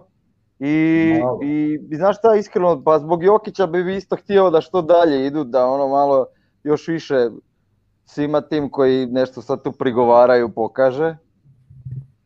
Tako da, šta znam, ja sam mislio da će biti puno gore bez, bez Marija, tako da, ok, ne vjerujem ni ja da ne znam šta sad mogu posebno, ali proće Portland, mislim, sigurno. A to je i bitno za za iskustvo. A sad dalje, dalje iskreno, ko zna šta može biti, znaš, tu je, ne znam, na zapadu je zeznuto totalno, ali možda ko zna, nemam pojma. Zato svim srcem za Phoenix, ono, jer s Lakersima Ja sam isto za Phoenix, da, to bi volio šteta što oni odmah dobivaju ove Lakerse koji ono moraju pobijediti očito. Jer ono, eto, Lebron... naš čovjek, ovo je naš čovjek, skroz to, to. Lebron je ono kao ne lice kluba, nego lice lige, predsjednik lige, sve živo čovječe. Ono, Uskoro predsjednik SAD-a, Lebron 2024. Baš čovječe, tako da ne znam, uglavnom... Uh, jeste se... bi zbog što dalje da dođu. Jeste se vi posavjetovali s Lebronom na lokalnim izborima sad u nedjelju? Ja bili su, e, brate, kod nas su ti bili par Lebronova, evo te, onaj Filipović, onaj Miletić, svi kako je krenu igrati košarku, pokazuju kako igraju košarku, e. prođu ono katastrofa. E. Jer su glupi, jer misle da će kao ljudi to popušiti, misle da je kao košarka sport kojima ćemo mi pokazati, ljudi na skole. mi smo ko ljudi, je! Ali niko ne voli to košarku. Čekaj, nemoj tako, nemoj tako, Miletić je ipak profesionalni košarkaš. Ma di je profesionalni košarkaš, bio sam na basketu u Rijeci, pitao sam neke klince, di je taj Miletić, kako on igra, ga zovite? I kao, rekao mi mali, kaže mi mali, ovaj jedan, mali legenda inače, ovaj, kaže da je lik bez veze igra. znaš, šta, ti je Miletić na basketu? Miletić na basketu ti je Patrick Beverly za sirotinju. I to ono, najveću sirotinju. Pa nemoj da hvalit čovječe, šta ti ono, mislim da si previše rekao. Oga, pa čime ne vidiš ti test? A onaj legenda Filipović je koliko je rekao Marino nam je poslao da je imao koliko prosjek, 1.9. Da, da. U Alkaru. I slušam pa ja. Biggie Smallsa, to je još bitnije. Da, da, Biggie Smallsa i Balaga. Danas mi je rođendan Biggie e. Smalls, inače. Je, da. Da. rođendan. ja, Imam ja jedno pitanje. Ajde, ajde, Sanji. Evo ga. Uh, Kako vam se čini, sad mi je upravo palo na pamet. E, s obzirom da je Marej ozlijeđen za iduću sezonu, evo Emir se već križa. Uh, ja jebote, kako ću se ja Emir križat? Jebote. Kad ja, zato, kad ja bacam tekove, to sve ide. Me je zanima jedna stvar. Kaj je Lauri iduća sezona u Denveru? Šta mislite o tome? Može. Evo ga, evo ga. Tamar. Prodana. Ali imaju salary cap, imat će prostora na salary. Pa, pa, e, da, da, ne smije uzeti player opciju. Samo da, za Emily, samo za Emily će imati prostora, neće imati više ako Kyle pristane. Ili ako bude sign pa and Barton trade. Čekaj, dokad je Mari out? Pa, pa do sledećeg. Do trećeg, ono, četvrtog sljedeću sezonu. Mi, mi da se mogu vratiti u trećem mjesecu. Iskreno i ne treba, jer realno ne treba se vraćati za playoff sljedećeg godina, treba sam se još sjebe još više. E, to je problem, jer on nakon te ozljede, dok se on vrati u formu, vući će dvije, tri ozljede još sitne za sobom. A, da. Znači, možeš ga računati tek za onu sezonu nakon. A tebi će trebati nekakav playmaker u, tom, među, u tome. Tamo neki stariji. Šreder. Rob, Rob Perez je na, na, Twitteru napisao, ako se Šveder nada ugovor od 100 miliona e, i možda jedino pesosa. Kas. Šta ćemo da je kad je dobar dan. Uh, fino smo se raspričali o nagecima, čekaj da još čujemo šta nam kažu e, smrznuta braća. Prost. E, ja cijelu tog da, da, da ne budemo zamrznuti, nego da budemo vidljivi. Mi smo ledeni. E, ja nekak tu vidim, vidim da, da, će Portland svoje ovaj odraditi. oh. Hvala što ste došli. Šta ste rekli, nisam čuo. Neće, pa neće. Ne, imali smo tehnički tehničke smetnje, možete ponoviti ovoga. Denver se ne brinite. Mislim, ali gledaj, ima, nešto lijepo za fanove Denvera u tome. Mislim, pravi fanovi Denvera valjda imaju svi stetovirano, stetoviranog Carmela Antonija. što je bilo lijepo da Anthony, ovo da bude njegov labuđi pjevi, i juriš u finale. A, jel ti je to ono džavolja ponuda malo? Boli, boli duša o to. Pa Nekako se osjećam proslado da ovu izjavu. A nisam ga Denvera. je Emir rekao za, Nagice, stvarno i mene ono, oduševilo, ajmo reći koliko su oni dobro igrali kad je Marej bio out i, i koliko su super sve posložili, koliko su na momente ono, baš prekrasno izgledali kad su igrali. Ali, velim, taj Portland je meni ono, em, imam da neku tu subjektivnost prema njima i, i fora su mi, nemam pojma, a, a, mislim da definitivno imaju i kvalitetu i rotaciju da, da se tu potuku s Denverom i da to ode u sedam. Sad na čiju stranu iskreno ne znam, ono, baš za mene može ići both ways. Tako da... A, kako se, kako, da ga još jedan pitaš sada, ajde jedan put. Šta misliš koliko... Blazers i u četiri. Šta misliš e. koliko se mogu daleko bez hezanje? pitanja pitanja, da. Sam sebe izbacio. A, čuj, treba, se, treba sam sebe znat poklopiti. Treba se o, ništa, uh, znači Nuggets in 7, slažemo. Sve kad se zbroje uzme Nuggets in 7, ja ću reći Nuggets in 5. Da, uh, protiv Portlanda? Nuggets in 6. Nuggets, uh, Nuggets u 5 protiv Portlanda. Po pa da, normalno, što smisla ovo ćemo kako pokloniti. Se, pa ja samo da kažem, jedino stvarno, ovaj, jedino ono kao silver lining tu je, ako Denver izgubi, Jokić može za olimpijadu da igra za, za ovaj, ovamo, ali to znači, neka to, to. Ajmo mi preći na iduću seriju, tu, će biti sigurno više zagovaratelja, znači Bostona, siguran sam, a možda i Brooklyna. E, ja se malo mičem u pozadinu, vi udrite. Ajde.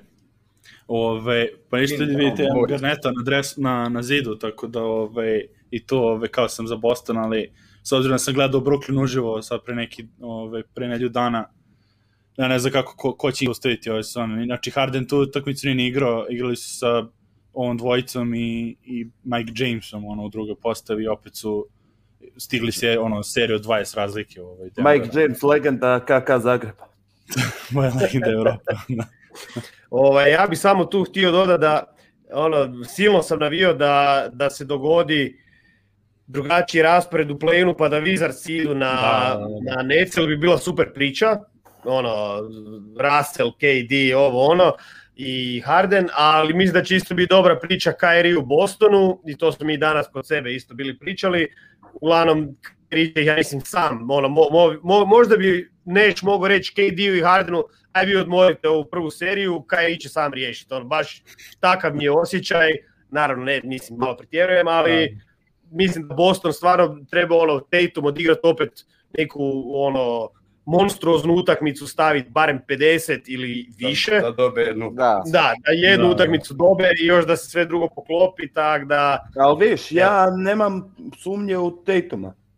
Ja imam pa sumnje u ostatak da. Mene, mene pa da, ne dobro, da Tatum seriju sa prosjekom 40 znači, Zato i hoće dobiti ovu jednu, razumiješ? Jer ovi ostali jedna je nategnuta po meni. Pa je.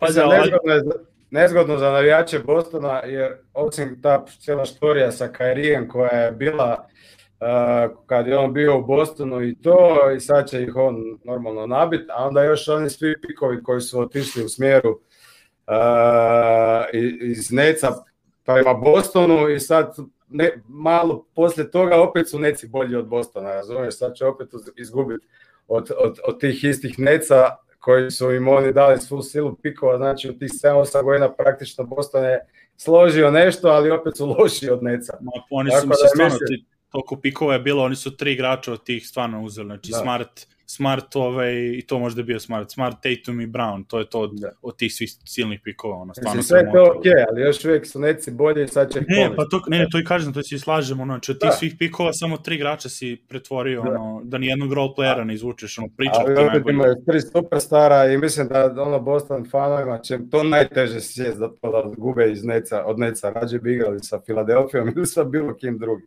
nego sa ja inače ne gledam pred sezonu baš nešto previše, a ovu sam ono, nešto, bi ga, falo ono, malo košarke i to sve skupa. Ovaj, I on nakon prve utakmice Brooklyna u predsezoni, kad, sam, kad sam vidio da je Durant bio zdrav, ja sam samo rekao, ok, ljudi, imamo prvaka, ne, ono, isto sigurno, a pitanje je lige. Ovaj, Mislim, njih trojicu ne možeš da ustaviti. Brate, ajde, bit će, zanimljivo vidjeti sa Milwaukee matchup, ako dođe od jer, da, da. mi jel da Antone? Da, baš to. Jel pazi, oni su izgubili sad ove zadnje od Milvokija, dobro nije yes, Harden.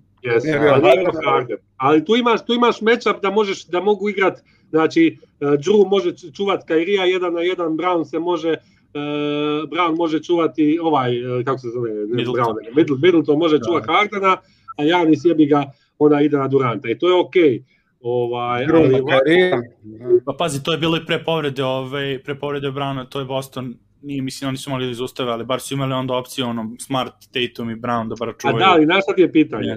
Pa šta, ćeš sa, ja, šta, Kembo Da, to, ne, ne, mislim, to je ono, se ove godine, ono katastrofa. Koga da on čuva? Njega bi Bruce Brown uništio verovatno na protrčavanjima. Inače, sanim, inače za, ja mislim to znam, moram vama reći, kad bi me čovjek sad pitao, ajde poželi da budeš ja NBA košarkaš u ovoj sezoni, ja bi bio Joe Harris. Da, ajde, da, da. Zamisli, zamisli gusta. Stojiš i dobiješ svaku loptu na šut, jebote. I sam si, i sam si. Tebe niko ne čuva. E. niko te ne čuva. Zabijaš 50% trice. Je. On niko ga ne čuva sa prošle godine Bablo, ono je bio fokus odbrane, ono sad, sad malo ladovine. Zamisli kako bi Joe Harris ove godine. Predio. Haas. A, dobro, pa što se, tiče stvarno Brooklyn, oni, oni to u predsezoni stvarno izgledalo ono kao osvajanje lagano, ali pa Ma, slična, slična je situacija možda kao s Clippersima, da li možda toga se desi jedan ono, E, ja sam baš to, e, danas smo mi isto to pričali, pa sam baš to spomenuo. Istu stvar meni, pogotovo sad u, ovoj, u regularnoj sezoni su imali taj feeling, gdje oni cijelo vrijeme imaju stav lako ćemo, lako ćemo, znaš. A to su baš Clippersi napravili prošle godine i to se pokazalo, znaš, kao ono, eh, eto kako se pokazalo. Ok, ovo je sad totalni neki super tim, ali ne znam, dobar eksperiment će biti da vidimo da li to funkcionira ili ne. Pa mislim, ali, jer, ono... bi igrača, ovi su imali dva. To jest imaju da, to je razlika. Dobro, dobro, ali isto je bila neka vrsta neki kao umjetno stvorene ekipe. To tako. Ali znaš šta, neci igraju košarku, neće to složi. Oni imaju prosječno 30 a lopta ide, može upast ko hoće. Neci su, Clippers nisu imali igru uopće.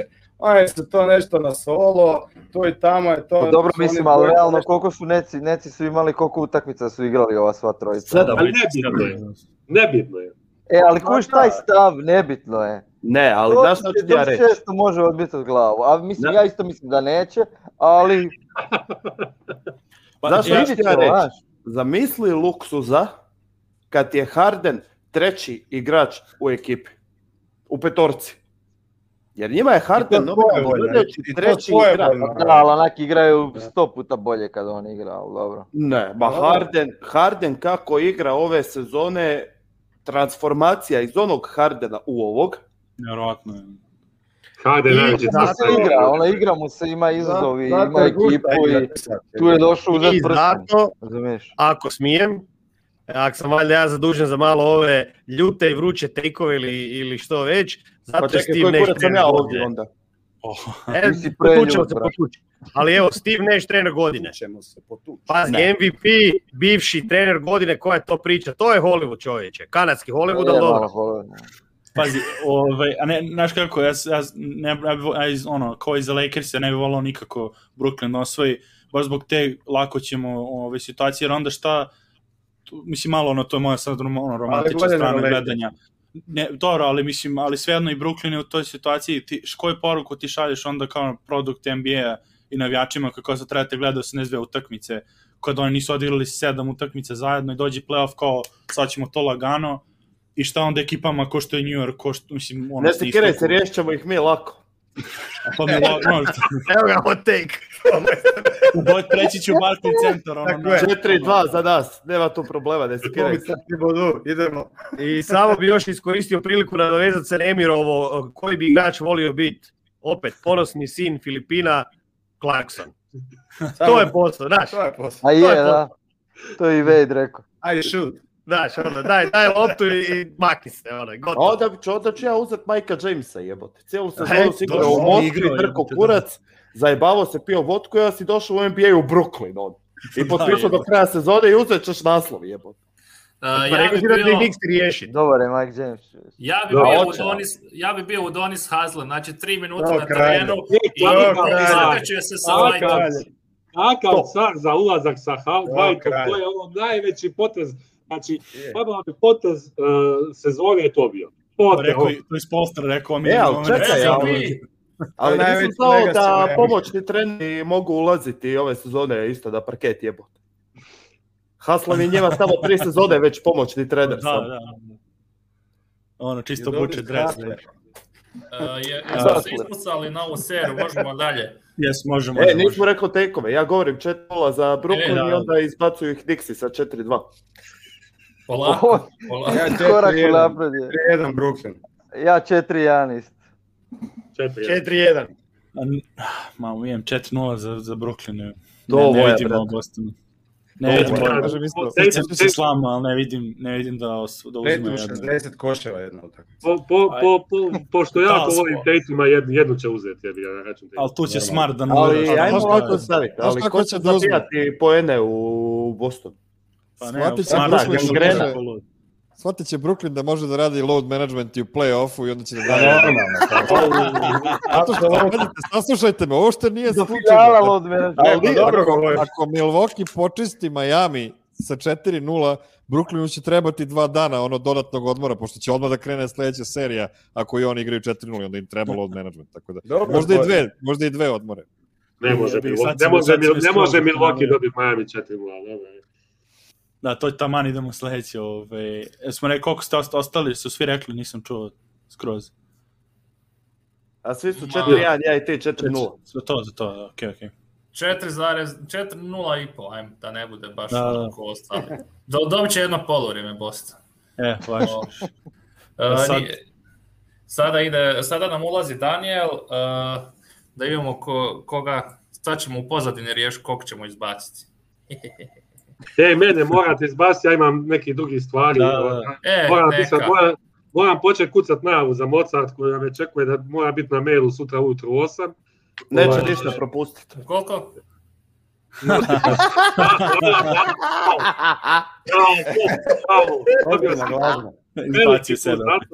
ekipa, hvala zvanju, ovaj, čujemo se opet mogli bi neku pivicu ili nešto tako baciti. Može. Ajde, vidimo se. Hvala, na, hvala na dolazku. Ćao, bog.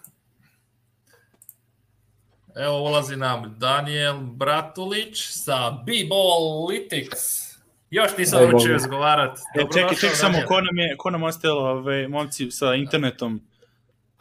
Momci sa internetom. El, pošto ne znam, da, ne, ču, ču, ono, čitam tvoj Excel, koga si planirao za ovaj matchup, zato pitam.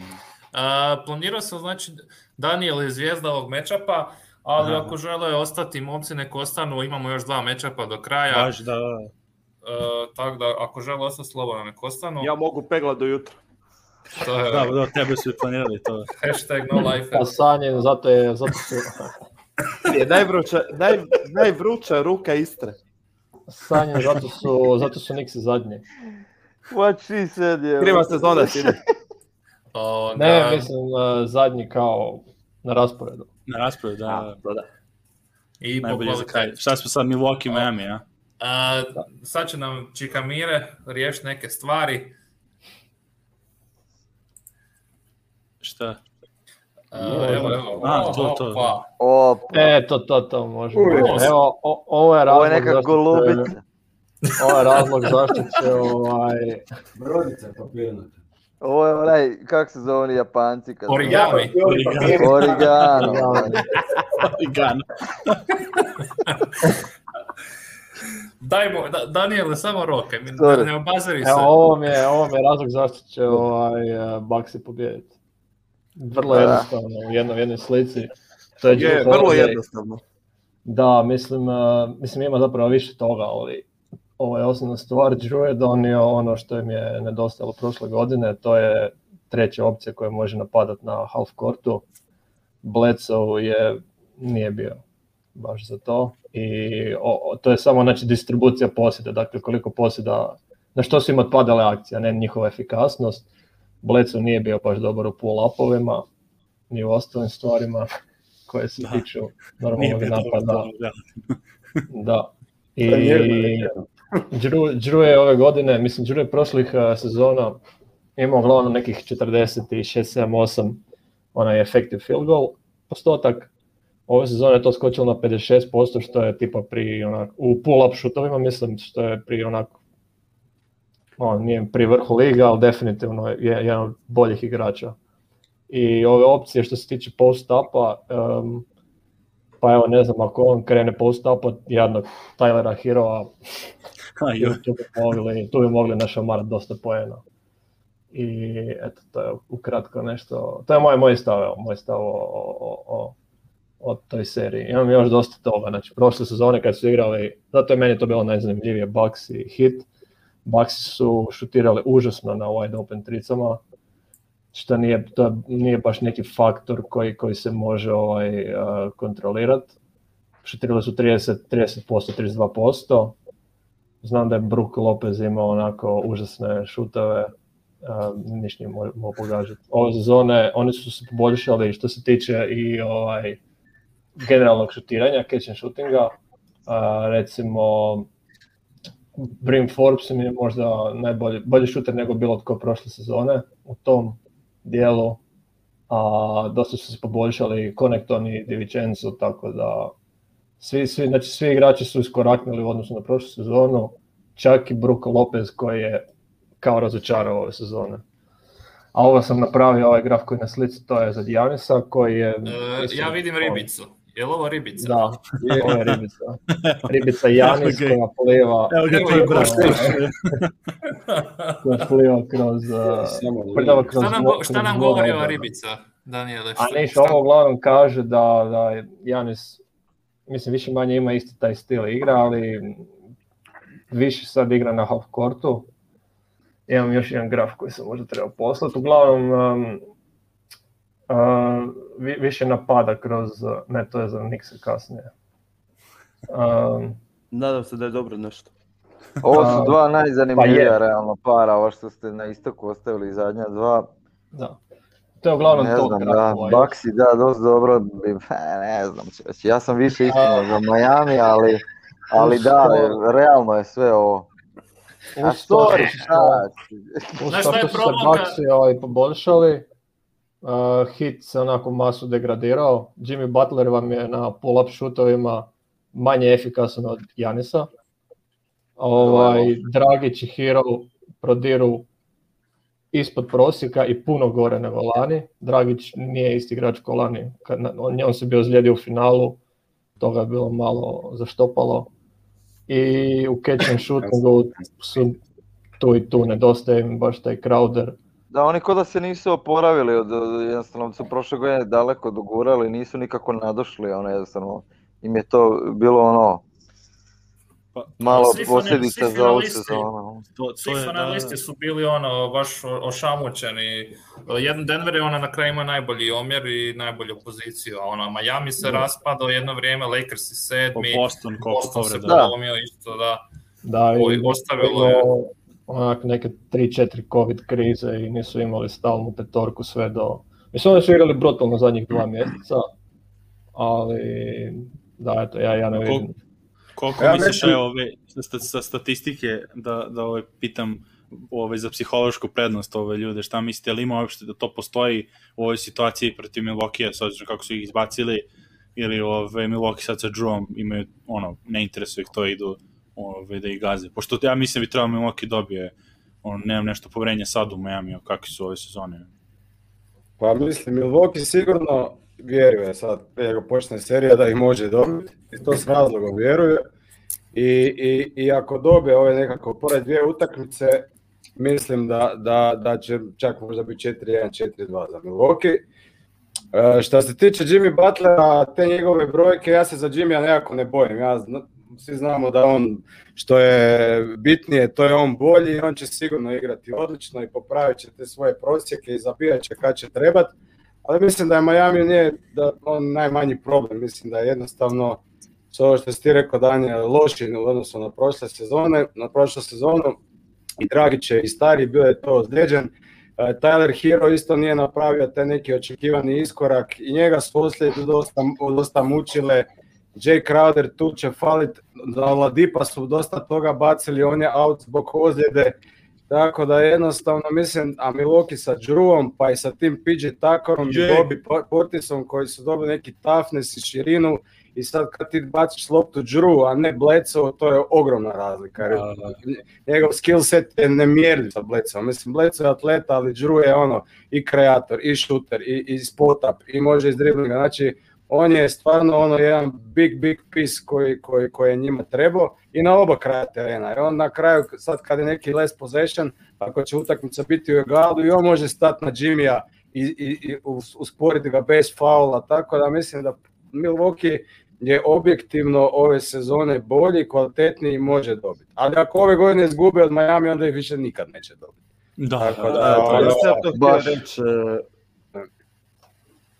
Vezano za Đurua, on će biti najveći upgrade u obrani. Jer ti onda dobivaš tu situaciju da ti imaš boljeg igrača od Bleco u svakom smislu u obrani i ti Džanis može igrati tog libera, paziti na jednu ruku na Bama, a na drugu ruku može pokrivati sve ostale stvari, ono u čemu je on najbolji. I ti njega ostavljaš tu na njegovom teritoriju. A ako ćemo realno, koga ćeš prije staviti, Plecua ili Džurua, da moraš birati, koga bi stavio na Jimmy? Pa pa još jedna stvar koja će zvučati možda blesavo, ali po meni X faktor ove serije bi mogao biti Brook Lopez. Ako on u napadu, ne. ne, ako on u napadu, gledaj, e, prošle sezone e, Brook Lopez je bio interiran od, stvare od strane Majamija, jer on nije mogao pogoditi ništa on nek u ovoj seriji uhvati dvije utakmice da on može pogađati šuteve kako on zna, jer Bam neće imati toliki fokus na njemu koliko će imati na Džanisu. Ako Brook uđe u neku svoju seriju, ako Brook uspije u dvije utakmice donijeti 10-12 poena, to bi moglo biti ključno da Milwaukee odnese ovu seriju i da nadoknadi sve ono što je prošle sezone zajedno a ne, znaš šta, ako Brook Lopez neće imati, ipak je tu sad i Bobby Portis koji slične stvari može odraditi, koji je Najveći Tako da imaju širinu, znaš, je samo Brook tu. Ja čak u Bruka posebno niti ne vjerujem, ali Bob je, Bob je digital, tako da mislim da on može. Ali Brook, kad je napravio onu facu, kad je ovaj zakucu, pa kad je ono... Taj lik je to šta je. Samo zato je već. Samo da, da. da. da. Pazi, da, e, psihologija se prebacila na, na stranu Milwaukee, Milwaukee je mogao porazom izbjeći Miami. Da, ali namjerno su dobili. Ja. Znači, to je, ono, to je ono, balls move, balls move, to da, se osjeća. Nisu pa što nisu bježali od Lakersa, doće to na naplatu sve Lakersima. Nisu svi Clippersi.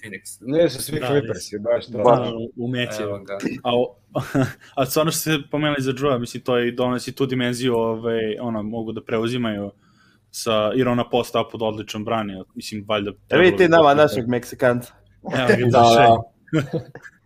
Žiro, kada je protiv Duranta igrao ovaj, nedavno je to bilo na tekmu, da, je sjajno bilo, znači kako se hrva i prije ovaj, primanja lopte, to je, ja mislim da će on sigurno biti cijelu utakmicu na, na Butleru.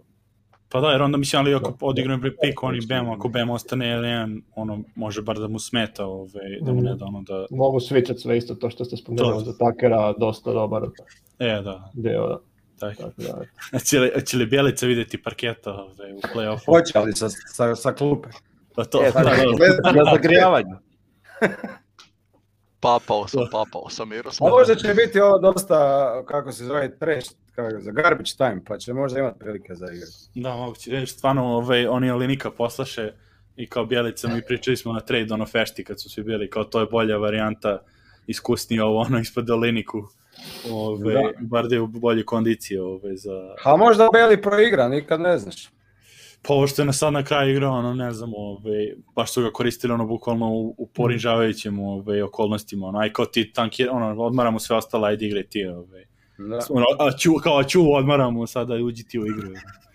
E, a sad na, na, vrat, malo na Denvera, zašto Bol Bol isto igra samo tako garbić vrijeme, ko, ko da je 12. Ono. igrač, na, sad kad nisu trebali, kad su htjeli izgubiti, opet nije igrao. Pa, pa ni on 12, ni 15. E, pa ne znam, pa, pa, pa, mislim, ja ne znam ono, koliko pogled, ono, ja sam pacijent pa i gledam te garbage time minute. Zašto ga Malone ne, ne voli? Pa mislim, on pogubljen je, ono, igra je protiv Brooklyn, ovdje ja kad sam gledao uživo ovaj, ovo sa Brooklyn Denver takmicu, znači gledao sam ga baš on vidim jer ono, on nije protiv Durenta igrao na početku sezone kao čuva, ono, to se zezali da ga čuva pogubljen je, ono, ne zna šta radi na terenu, ono, totalno. On, ima, on ima do, pos, do posljednje utakmice ima defensivni skok uopšte cijele sezone. Koliko A dobro, god Tako, igra na krivoj strani, stoji stalno u napadu. Znači, pa kad u košarci nema ofsajda, šta? čeka. Ono, čeka. Ali ne, u takvim, u takvim utakmicama mu ono dat ono, za priliku. Pa trebalo, ali ne znam šta je on, mislim, ali on je ono davo, šansu Vlatku i, i Howard, ono čisto jer od njih... Pa kako... Vlatko je cool, ali... Pa ne, ne, slažem se, ne, ne slažem se, ja se tiče potencijala, onda je bol kao treba, ali, ali definitivno ono, očigledno na treningu, ni, on jednom ono utakmicu treba uđe na teren i zaboravi da obuče drese. A pa zar to nije vrijedno respekta? Lika boli, boli. to to. Briga, briga. Pa sad sledeće godine G League, ono, to je šalim se, ne znam, mislim, stvarno, oni su ga potpisali, ove, ovaj, mislim da je to to što se njega tiče. Kad igrao protiv Detroita, ovog nesretnog, onda neće. Shots fired! Pa ono, dođe mi odmah udara, pa će ti... Ne, pazi, a pomenuli smo te poslije taj vikend. Ove.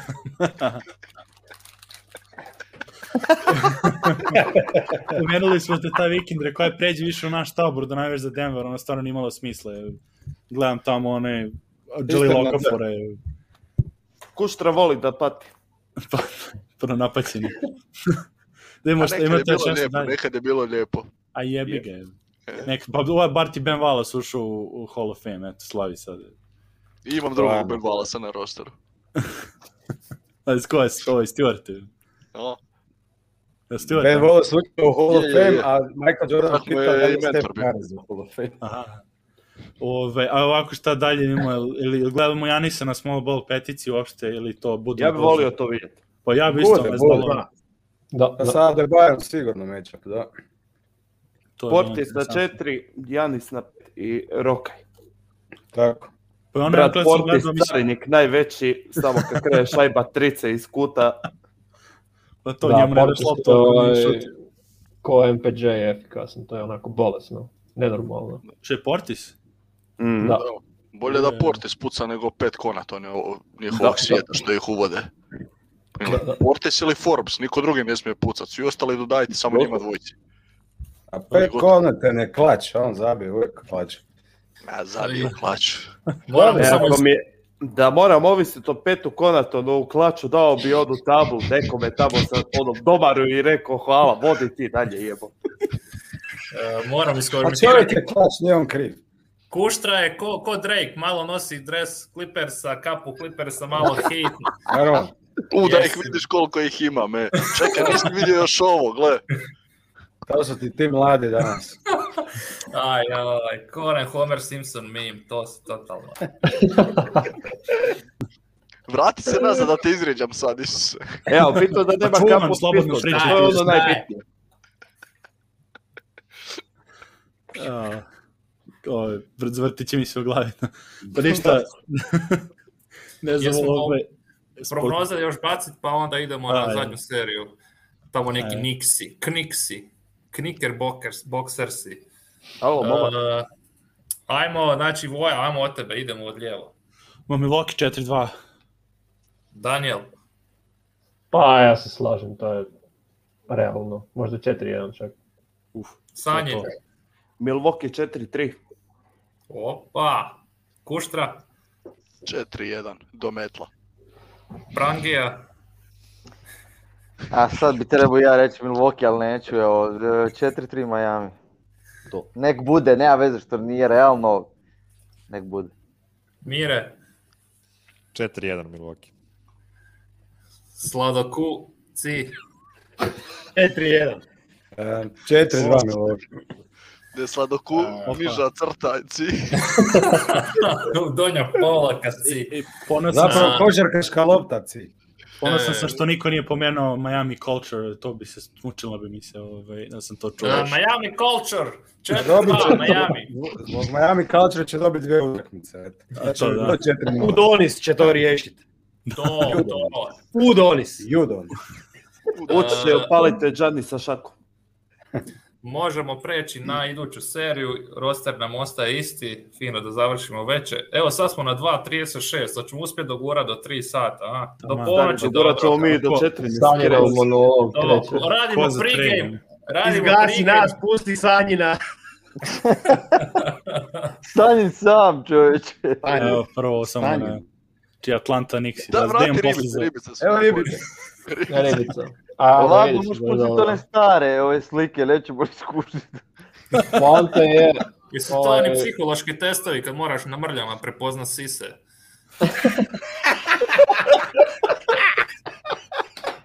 to, daj, puštaj. Prije nego što se Stanjin odmetne i otme kontroli, sve što ću reći je da evo, želim puno sreće E, New York Bullsima u, u ovogodišnjem playoffu. Sve su to Bullsi. Sve što Chicago vam dao. Ja e, imam jedno pitanje. imam jedno pitanje. Jel postoji igrač koji više prati nekog trenera od Taža Gibsona? Mm, ja mislim da ne. Derrick Rose. To je i Rose. da. to da sam na Roseovom mjestu ne bi pričao sa Tibodovom do kraja života. A vidiš, eto, pa ipak su kumovi. Pazi, imamo, mi imamo jako lijepe riječi za Taš Gibsona kao navijači Nuggetsa. Dakle, prije ono tri godine kad je bilo e, prva play-in utakmica, prije play-in utakmice Minnesota-Denver, pobjednik ide u play-off, i bilo, bili su produžeci, Taš Gibson je oteo jednu loptu Jokiću i nakon toga su Nuggetsi ispali. I šta nam je ta oteta lopta donijela, što je dobro primijetio naš Mire, donijela nam je... Michael Portera. Hvala Mire. igrača u povijesti Denvera. A, a druga stvar, imali smo novinara iz Denver Posta, koji je ono, Denver beat writer koji jako prati nagece. E, i pričao nam je između ostalog nekako smo došli do Taš Gibsona i rekao je da, je to, da mu je to jedan od najdražih igrača, da je ono vrlo dobar čovjek, jel da ga uvijek ha, sad zvuči da pričamo o nekom psihopatu, ono, on je uvijek Zašto dobar čovjek. pričamo o u ovom podcastu? E, ha, ne znam, naslova. Uglavnom, Alo, kako je mislo krenuo, zvuči ko svaki naslov u Crnoj kronici. Bio je miran, tih i dobar miran. E, ja sam sam to rekao. Ne, ne, svi govorili da je bio dobar dečko. Propada mm. mi fora. Uglavnom, ta Gibson je sredi ubojica. Hvala, doviđenja. pa to, Sanje, ma ne Sanje, nego što je pričao čovjek da je pokrivao bulse ove, ono, radije zna bit radite na busima, onda da je Gibson može bio kao fin. A što tiče toga igrača, ne znam da li Austin Rivers, ni Austin Rivers ne prati ćale, tako ako Taj Gibson ove, prati ti vodola. Dobro, Austin, Austin i Dog su navodno u katastrofalnim odnosima. I opet smo došli do Denvera preko Austin Lagano ga je gurno. Ne, ne damo Sanjinu da se priča o Nixima, tako da Denver... Ja puštam prvo Danielu, pa onda ću ja. Pa ne, to... O, Daniel, ti si tu, zaboravili smo na tebe, ti si, ti imaš na moje... Pa kad, se samo, kad samo upadaš sa forama... Gibson, pristana, dečko, dobro. Ovaj. Ja sam ti čovjek iz Sijena, Dalko. uvijek, uvijek pozdrav. Ni... Pričare stavlje Kevin. da, ne znam što bi rekao ovaj za, za Nix. Do, ja mislim da će ovo biti najtjesniji pa najbolje ovaj možda. možda uz Denver i, i, Blazers, mislim da to bi moglo biti. Možeš sumirati ovaj, ovaj grafić? tablicu. Uglavnom poanta je da su ovdje Nixi pred novu s jazz, sad se vidi slabo, ali ovaj plus će dole. E, to, to, to, to. Uglavnom, ovo su vam, da, znači, ovaj... E, voice, voice command, voice command. Voice command. Znači, ovaj prvi stupac vam je koliko ekipe šutiraju wide open trice protiv te ekipe. Znači, recimo, 42% šutiraju protiv Wolvesa, a koliko te iste ekipe šutiraju ono kroz cijelu sezonu. I sad na dnu su Nixi, to znači da e, protiv Nixa generalno ekipe šutiraju lošije, no inače. Jer to je onako, ne znam, wide open, trica znači da je igrač udaljen 1,8 metara ili više. Znači, je... ima posebno statistika ako je klupa bu, Bulsa sam skoro rekao, ako je klupa Miksa bliže obrani ili ako je na drugom kraju točno, ako se tu napada ako se Tibo dodere, gle, to je da je 30 ljudi se. Ajz, ajz! Dobro, rekao ajmo je.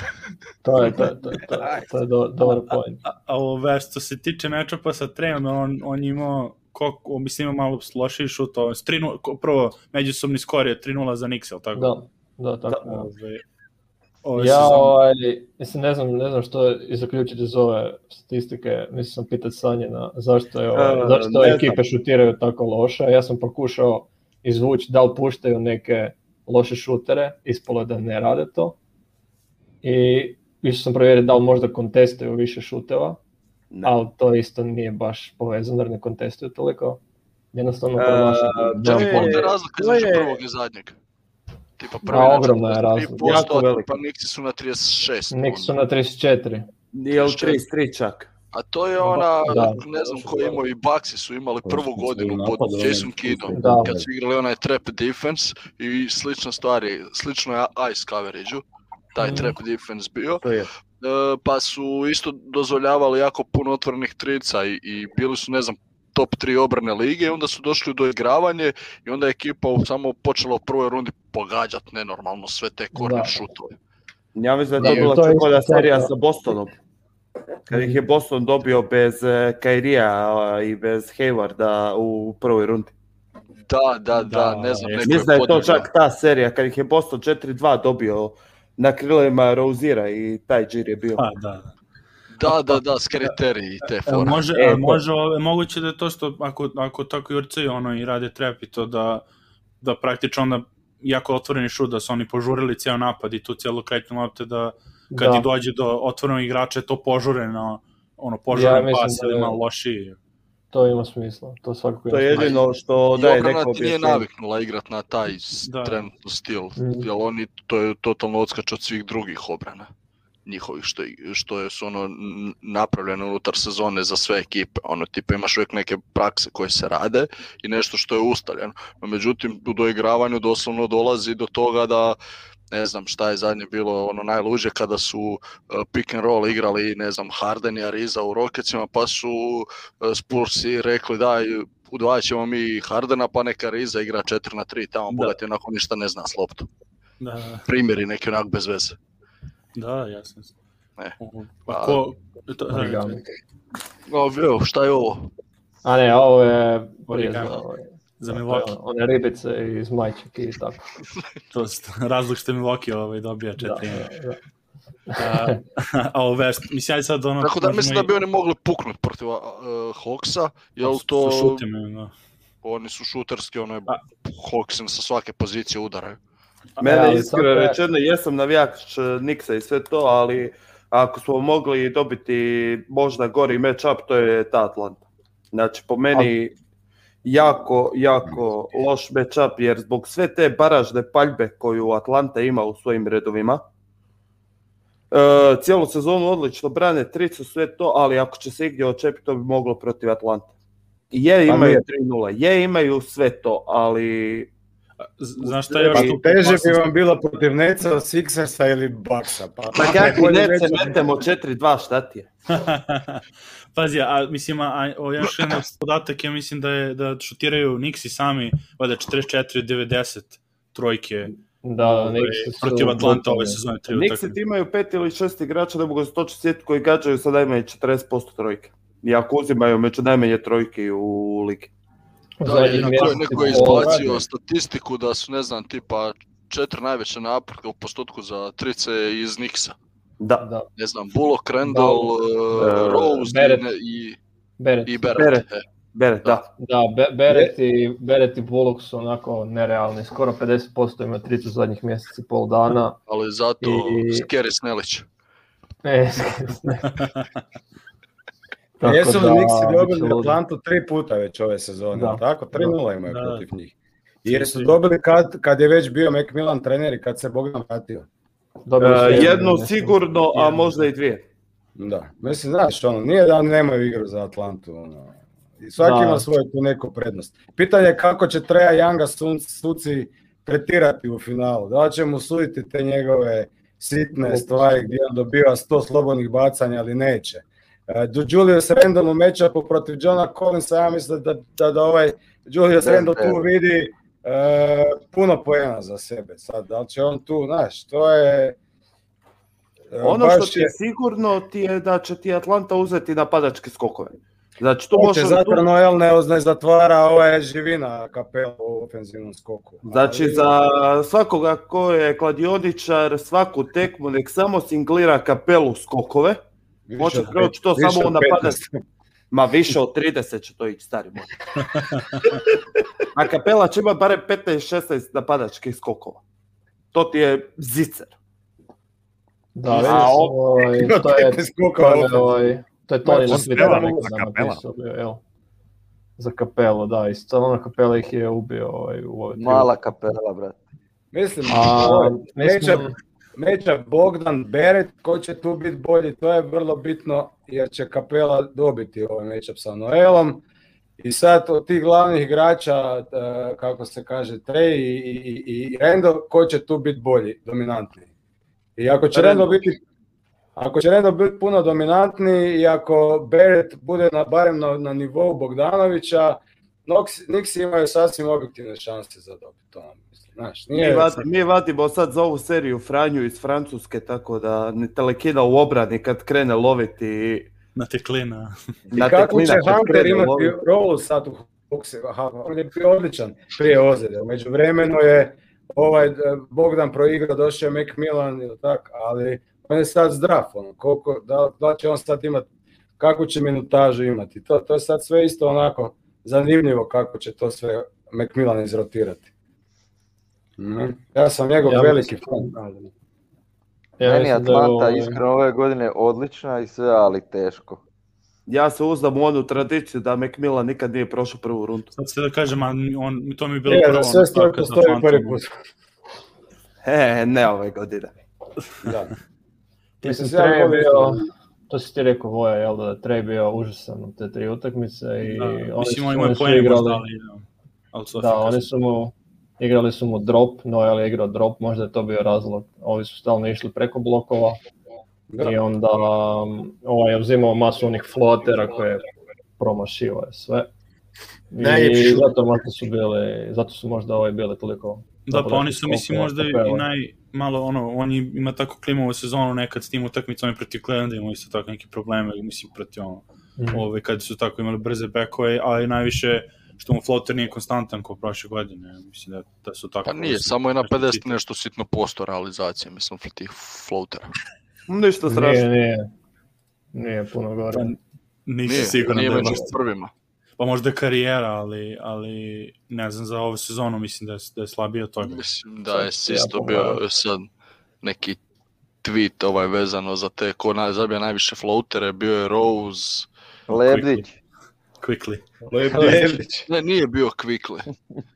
Nije bio quickly. Ne, nemojte im brata Quickly dirat. Po pa prezimo tome kompilaciju ono, njegovih ovaj, flotera ono, u jednoj utakmici. Sreća, sreća Atlantida što smo odlučili odmoriti Luku Vildozu za, ovo, za ovo doigravanje. A nije teo oko Faku da dođe on u sred sezone da, da bane na...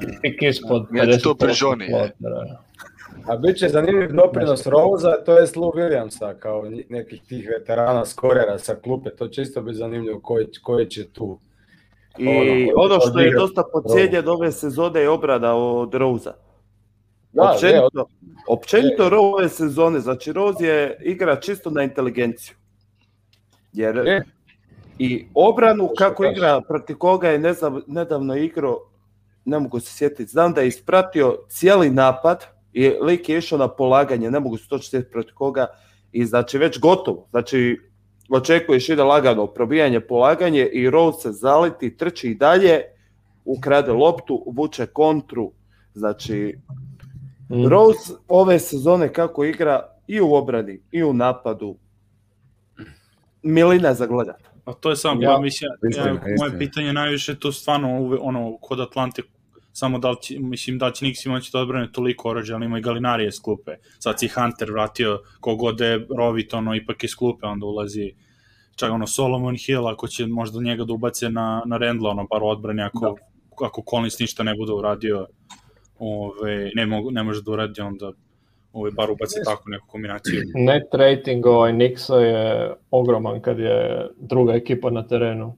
Rose ima ogroman utjecaj, znači cijela, klupa, ali sam Rose i ono, tu bi mogli ciljati. Ja iskreno mislim da bi, ne bi baš Williams, da bi Lou mogao toliko im donijeti talanti. E, vidjeli smo prošle sezonu u Clippersima, to je u obrani ga ono- njega ono, za treći, treći i druga četvrtina pomalo ono na, na da. momente Jer Nix ima osmoritu ljudi s kojima će igrati, oni znaju ko će igrati. Atlanta sad ima na jednom jako puno ljudi a u playoffu ne možeš baš igrati sa deset ljudi. Ono. I sad kako će on napraviti te rotacije, to, to me jako interesira uh, šta, kako će Milan to vrtiti. Ne? Ja uvijek kažem, znaš koga ne stavljati. Idi s tom teorijom. Kreni pa od pa, zada i gledaj ko ti neće uopće igrati ovu seriju. I opet ćeš doći na 10 ljudi u... I opet ćeš doći. E. na 9 u Solomon Hill ti onda neće igrati, razumiješ me? Ali Solomon Hill je možda i najbitniji igrač e, za obranu protiv Renova. Da. ima, imaju puno, imaju puno legit NBA igrača, ali to onako, kad su svi zdravi, zna biti problematično. Da. A, a kod Nixa, na primjer, pošto on znamo Tibo s njegovim koliko minuta su igrali svi zajedno, koliko je... Okay, ono Rendal je odradio sezonu na 112 minuta u prosjeku. Da, Rendal će igrati 45 minuta u play Da, pa ne, ali mislim, to, to ste da pitam, ono, ta, ta ove stavka da su toliko igrali zajedno, dug, mislim, i puno minuta na terenu, da će to za play da, da ove, znači, da bude pozitivno ono što su toliko igrali. To, živ si. Ne, neće to po meni imati utjecaj nikakvog. Ništa, a? Ne, jer e, ja, da pače... Jo, ne mogu više ovo ljudi, sorry čovječe, ono ja idem ovaj. Ajde, ajde, pozdrav. Odlično, Hvala što si došao. Uh, 4-2 Niksi. Može. Ajde, prije nešto odem, o, bilo mi je jako lijepo, ali ovaj, idem po pitu vode, idem dalje. Ovaj, bolje nek da tu trkam čovječe. A i vidim imate za dalje za raspraviti, tako da sam vi rokate. Ajde, pozdrav, čao. Živo. Vidimo se. E, to su ostale uh, naša. Ovoga. E, samo prije nego što krenemo želim predstaviti današnjeg sponzora. To je Panini album za Euro 2020. koji se održava 2021. E, možete, e, ko, ko stavi like, e, može dobiti besplatno ovaj album na svim kioscima tiska koji nema veze s nama. Čekaj, ovo je sad već previše, krenuo sam za jebamci, pa ne možeš sad reklamirati. Da, isključi ga, vidiš da mu Pfizer šeta po mozgu. ja imam duplu zlatnu Makedoniju, ako neko Ček, ja jedno bitno pitanje. Da će nam album, daj nam nalje. Da, li je, da, li je, da, da li album tiskan lani ili ove godine? 2019. Uh, e? First edition. Po su, bi rekao prekriče. Možda su krivi igrači unutra. Neki su što okay, oču, e, imam božnu na sosu duplog ako neko hoće. E, da, da, da, pa za Njemačku i za Hrvatsku po jednoga. Omicije. Ovoga, malo sam pukao ovoga, što Pfizer, što, što 3 sata snimamo. E, ili imate e. završne misli? E, trebamo još pet i po minuta da, da skinemo ovoga Jungsa sa 3 sata pa evo, ima neko neki vic ili anegdotu. gdje je bađo sam Ne, nego u posljednji ljudi su pričali jebate. Serije, da, nismo rekli da, nisu. rezultat. Pa, Red serije. Da. Niksi, prognoza. 4-3 za Niksa. Puštamo Čet... im eh, šestu da odemo u sedmu u Garden, 15 milja ljudi lagano. I onda... Znači, rasprodali sve. Stari moje karte su po 800 dolara za doigravanje, sve je rasprodan. Kol, za golubarni gore, a? Sve. ja sam mislio Nixi 4. Sve je rasprodano za Nixi. uh, Nixi u pet. Uje. Čekaj, ko je rekao, nisam čuo, neko je rekao pre Mitija. Ja sam rekao, ja sam rekao 4-3 isto Nixi. Aha, okej. Okay. 4-2. ruke brže, da uvedimo, da uvedimo pokret. Ja, ja bih rekao isto Nixi 4-3. Evo, evo, neka, evo. Neka ide život. Evo, ne smijem razočarati svog prijatelja. Ovaj znao sam, znao sam. Znao sam. Lazarušić. će ih. On će sutra imati. 4-2 Atlanta isto mislim. 4-2 evo, slažem Evo, pametan Opa. čovjek je u gornjem kutu, ili u gornjem kutu, ne znam s kako je strani kos koji treba, gleda. Treba mi i trej, trej mi treba za, za fantasy Evo, između njih ono. se sad. Sad možeš lijevo desno, sad je Još uvijek igrač. Pa igramo, igramo mi sami naše ove, ovaj, samo poene igrača da bi odfurali playoff. Sami smo napravili Excel ono, i to ubacujemo. E, Miroslave, daj podijeli s nama informacije koje su podijeli jučer u, u inboxu za NBA 2K. A NBA 2K je trenutno... Ali zašto mi ovo radimo? Ja ne znam. Plaća neko da ovo reklamiramo. Pa ne plaća nas niko. ja dobio pare, ne znam, za vas. ne, ne, ne, ne, ne plaća nas niko. Čekaj, ajde, čekaj, sad malo. Daj pisanje na čoveče da ostavimo slobodno.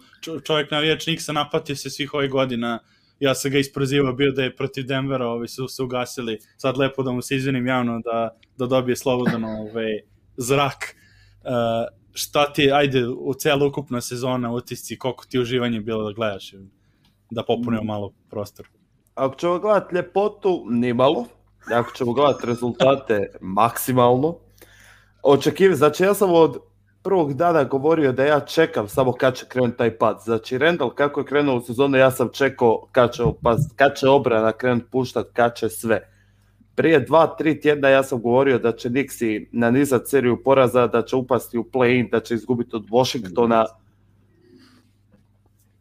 Ne, ne znam, ne znam više šta da kažem. Jednostavno ono, lijepo je biti navijač Nixa ovih dana, konačno. Ljudi, ljudi, kod Vegasa Nixi su imali over under 21,5. Vegansa. A došli su 41. Da. da, da. A meni se sviđa da su igrali pravi Niks košarku, znaš, da to nije bilo ono neko lepršavo i to nego prava New York Knicks košarka. Ona iz kraja 90. i to mi je super drago da je taj još, Još jebi ga taj džir, Tibudo je bio pomoćni trener eh, Jeffu Van Gundy od 96. do 2003. Da, da. Ne, jednostavno, Niksi nisu stvoreni, Niksi su cijeli ovo vrijeme ganjali neku lijepu košarku. Oni nisu stvoreni za to. kad je, je došlo, došao sada Tibodo, ja sam od početka bio protiv tog poteza. Sve što su si radili ove sezone, ja sam samo čekao kontru i nije došlo. Hvalim te Bože. Pa to pazi, ja, znaš da u budućnost. znaš kako trebaš ono, imati emociju. Cijelo vrijeme negativno razmišljati, događat će se pozitivne stvari. I samo ovaj, Sad samo čekam da potpišu dipa na ljeto, da dobijemo nekog kršenog beka i... Dobre. Kršenog beka. Ako ništa imamo dobre bolnice tamo po New Yorku. možda i za Šredera, onda možda naći neku bolnicu. Neka, hvala. Neka on ostane u Lakers. Da, to to. Tačno bi, mislim, stvarno, taj Šreder, ono, kako bi upao tu, tako bi se odbrana vratno raspala, svaki cijel sistem koji oni su imali ove. A samo ovo, ajde ovo kad si, pošto počelo sa... Zašto toliko hejtate Šredera? Pa on je prošle godine u Oklahoma onaj role bio i više nego solidan? Sad tu Lakers mu bla bla, ali nije on toliko loš igrač. Ono, znaš, a bili su i Nixi prošle godine na dnu lige. Šta? Bili su i Nixi prošle godine na dnu lige. A ne, to nije isto ovo ovaj, ovaj je, ekipa, ovo ovaj je čovjek, nije on, loš, znaš, ono, Nije on loš, ali jednostavno partija koju pružao u zadnje vrijeme... Pa u zadnje vrijeme, znaš, jebi. ne vjerujem da bi on bio sad toliko loša stvar za, za, za, neku ekipu Alan Nix, znaš, ono. Mislim, on ima Elfreda Paytona sad na starter pozicije. To je, pa to je. Ako Šreder nije bolji od njega, onda, onda znaš. A ne, ne, mi smo ti doveli Luku Vildozu za sljedeću sezonu, tako da smo se imaju, Nix imaju tajno oružje za playoff da ne igraju Elfreda Paytona uopšte. Ma nisam znači, baš siguran. Iz tvojih ovaj, ovaj. usta u Bože uši. Ne znam ako se sjećate kad je Tibo dobio tren, bio ovoga, kad su ono u play off ja mislim došli u finalu, njemu je svaku utakmicu starta onaj Bugins, kako se zvao, Kid Bugins, nešto. Kid Bugans. svaku utakmicu je lik startao. Znači, i, nije nikad igrao 10 minuta 12, ali svaki put je startao. Tako da ja vjerujem u Tibu da je Peyton Payton, da on ne odustaje od ono šta funkcionira. Da, ali ima zanimljivu stvar što ti kod uh, eh, Niksa kad igraju Rose i Quickly, oni jednog drugog poništavaju. I zapravo ti Nixi pružaju loše partije na parketu kada su njih dvojica u tandemu nego kad je Peyton e, sa Roseom ili sa Quickly. A neće pa Quickly vidjeti minute u playoffu, mislim da je to ono... Ma šta, neće Quickly, Evo, ovaj, Peyton će startati, imat će isto 10-20 minuta u prosjeku i to ti to. Ne, Peyton, ali Quickly vele neće vidjeti parketa u playoffu. Oće, 100%. Oće, 100%. Ma 100%. Očeva 15 minuta sigurno prosto. To će vratno, tu će Topin vratno da otpadne, pretpostavljam. Pa di, di će naći 15 kad će Beret igrat 48, Randall 48. Osam igrača ti je tu. 42. A on nalazi znači, znači- svoj 15 minuta umjesto Peytona. Rose Gibson, Rose ima pola strana. I imaš Bureka. Tako je. E, Rose, Burek, je taj Noruž. Burek je taj Noruz. Rose je Burek, Rose je Burek, to je to. Rozi Burek. Vuče, poveže 3 i 4 trice i da van.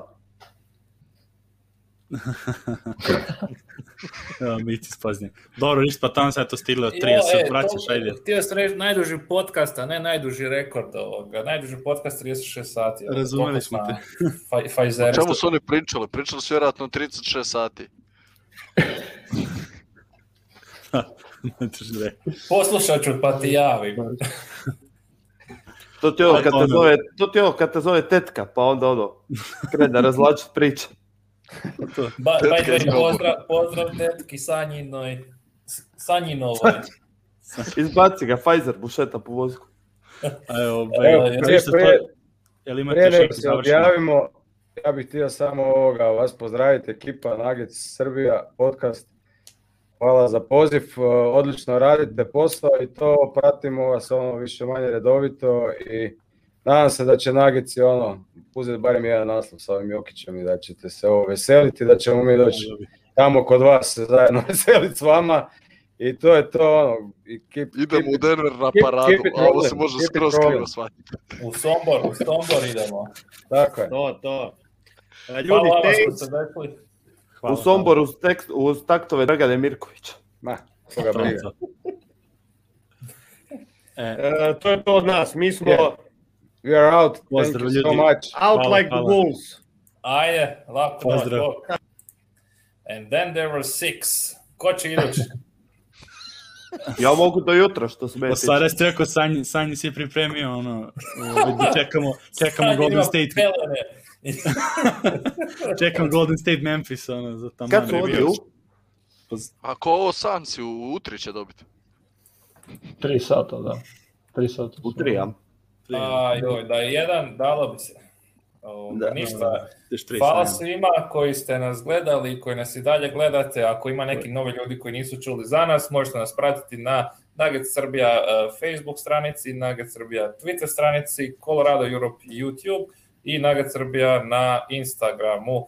Imamo raznog zanimljivog sadržaja na sve tri mreže. I to, i to, i to je ove jedinstveno, jer svako, svako drži drugu platformu, tako da je sva tri su različite skroz. Tako, zanima najgluplji sadržaj, zato sam zadužen ja na Facebooku, gdje često pokušavam spojiti svoje znanje s Turbo Folkom sa znanjom o nagecima.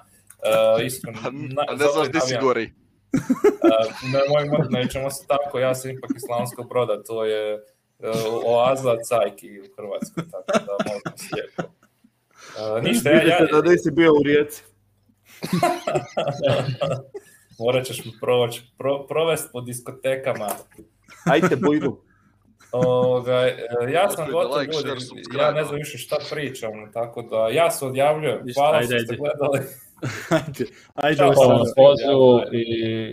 Da, hvala Hvala Danijelo na svim ribicama i ptičicama. E, I origami, origami ima. Origami. Origanu, origanu. To. Idemo, ovaj, ajde, ja sam već gotov, treba... Ja. A što si ti gotov kod tebe, koliko je sad, pet pa popodne? A čovječe, došao sam s posla, tek trebam sve... Ma, jel. E. Možeš kod Omerci rade, tamo samo... Jel, ja ne rade od sada, do Tamo oni rade, da. Da, da, da, vaše. E, kad si ti došao s posla ako si od početka ovdje, već 3 sata si Odšao sam, odšao sam rano. I viš ko se naradio čovjek ošao u s posla. Ima pauzu za ručak zadnja 3 sata. Pa jasno je, kad radiš u laboratoriji možeš kad hoćeš. Ispeć prase cijelo i pojez ga, ono, podijeliti sa komšijama, to je to. Ovoga, ništa. Ne znate, on jest prase tamo. Pa daš svakom, i jedan kak se zove paprčnjak i to je to. zaključimo ovu večer, ja više ne znam šta pričam. Hvala svima što ste gledali, hvala svim gostima što su došli, Daniel, Sanji, Ivan, Sladokusci, Neven, Miroslav Nađ, e, s nekog zaboravio, Ratko. Emir, Ratko, Ratko, naravno, ljuti rival Ratko e, i ja mislim da to to, hvala Emir je nebitan kao i uvijek.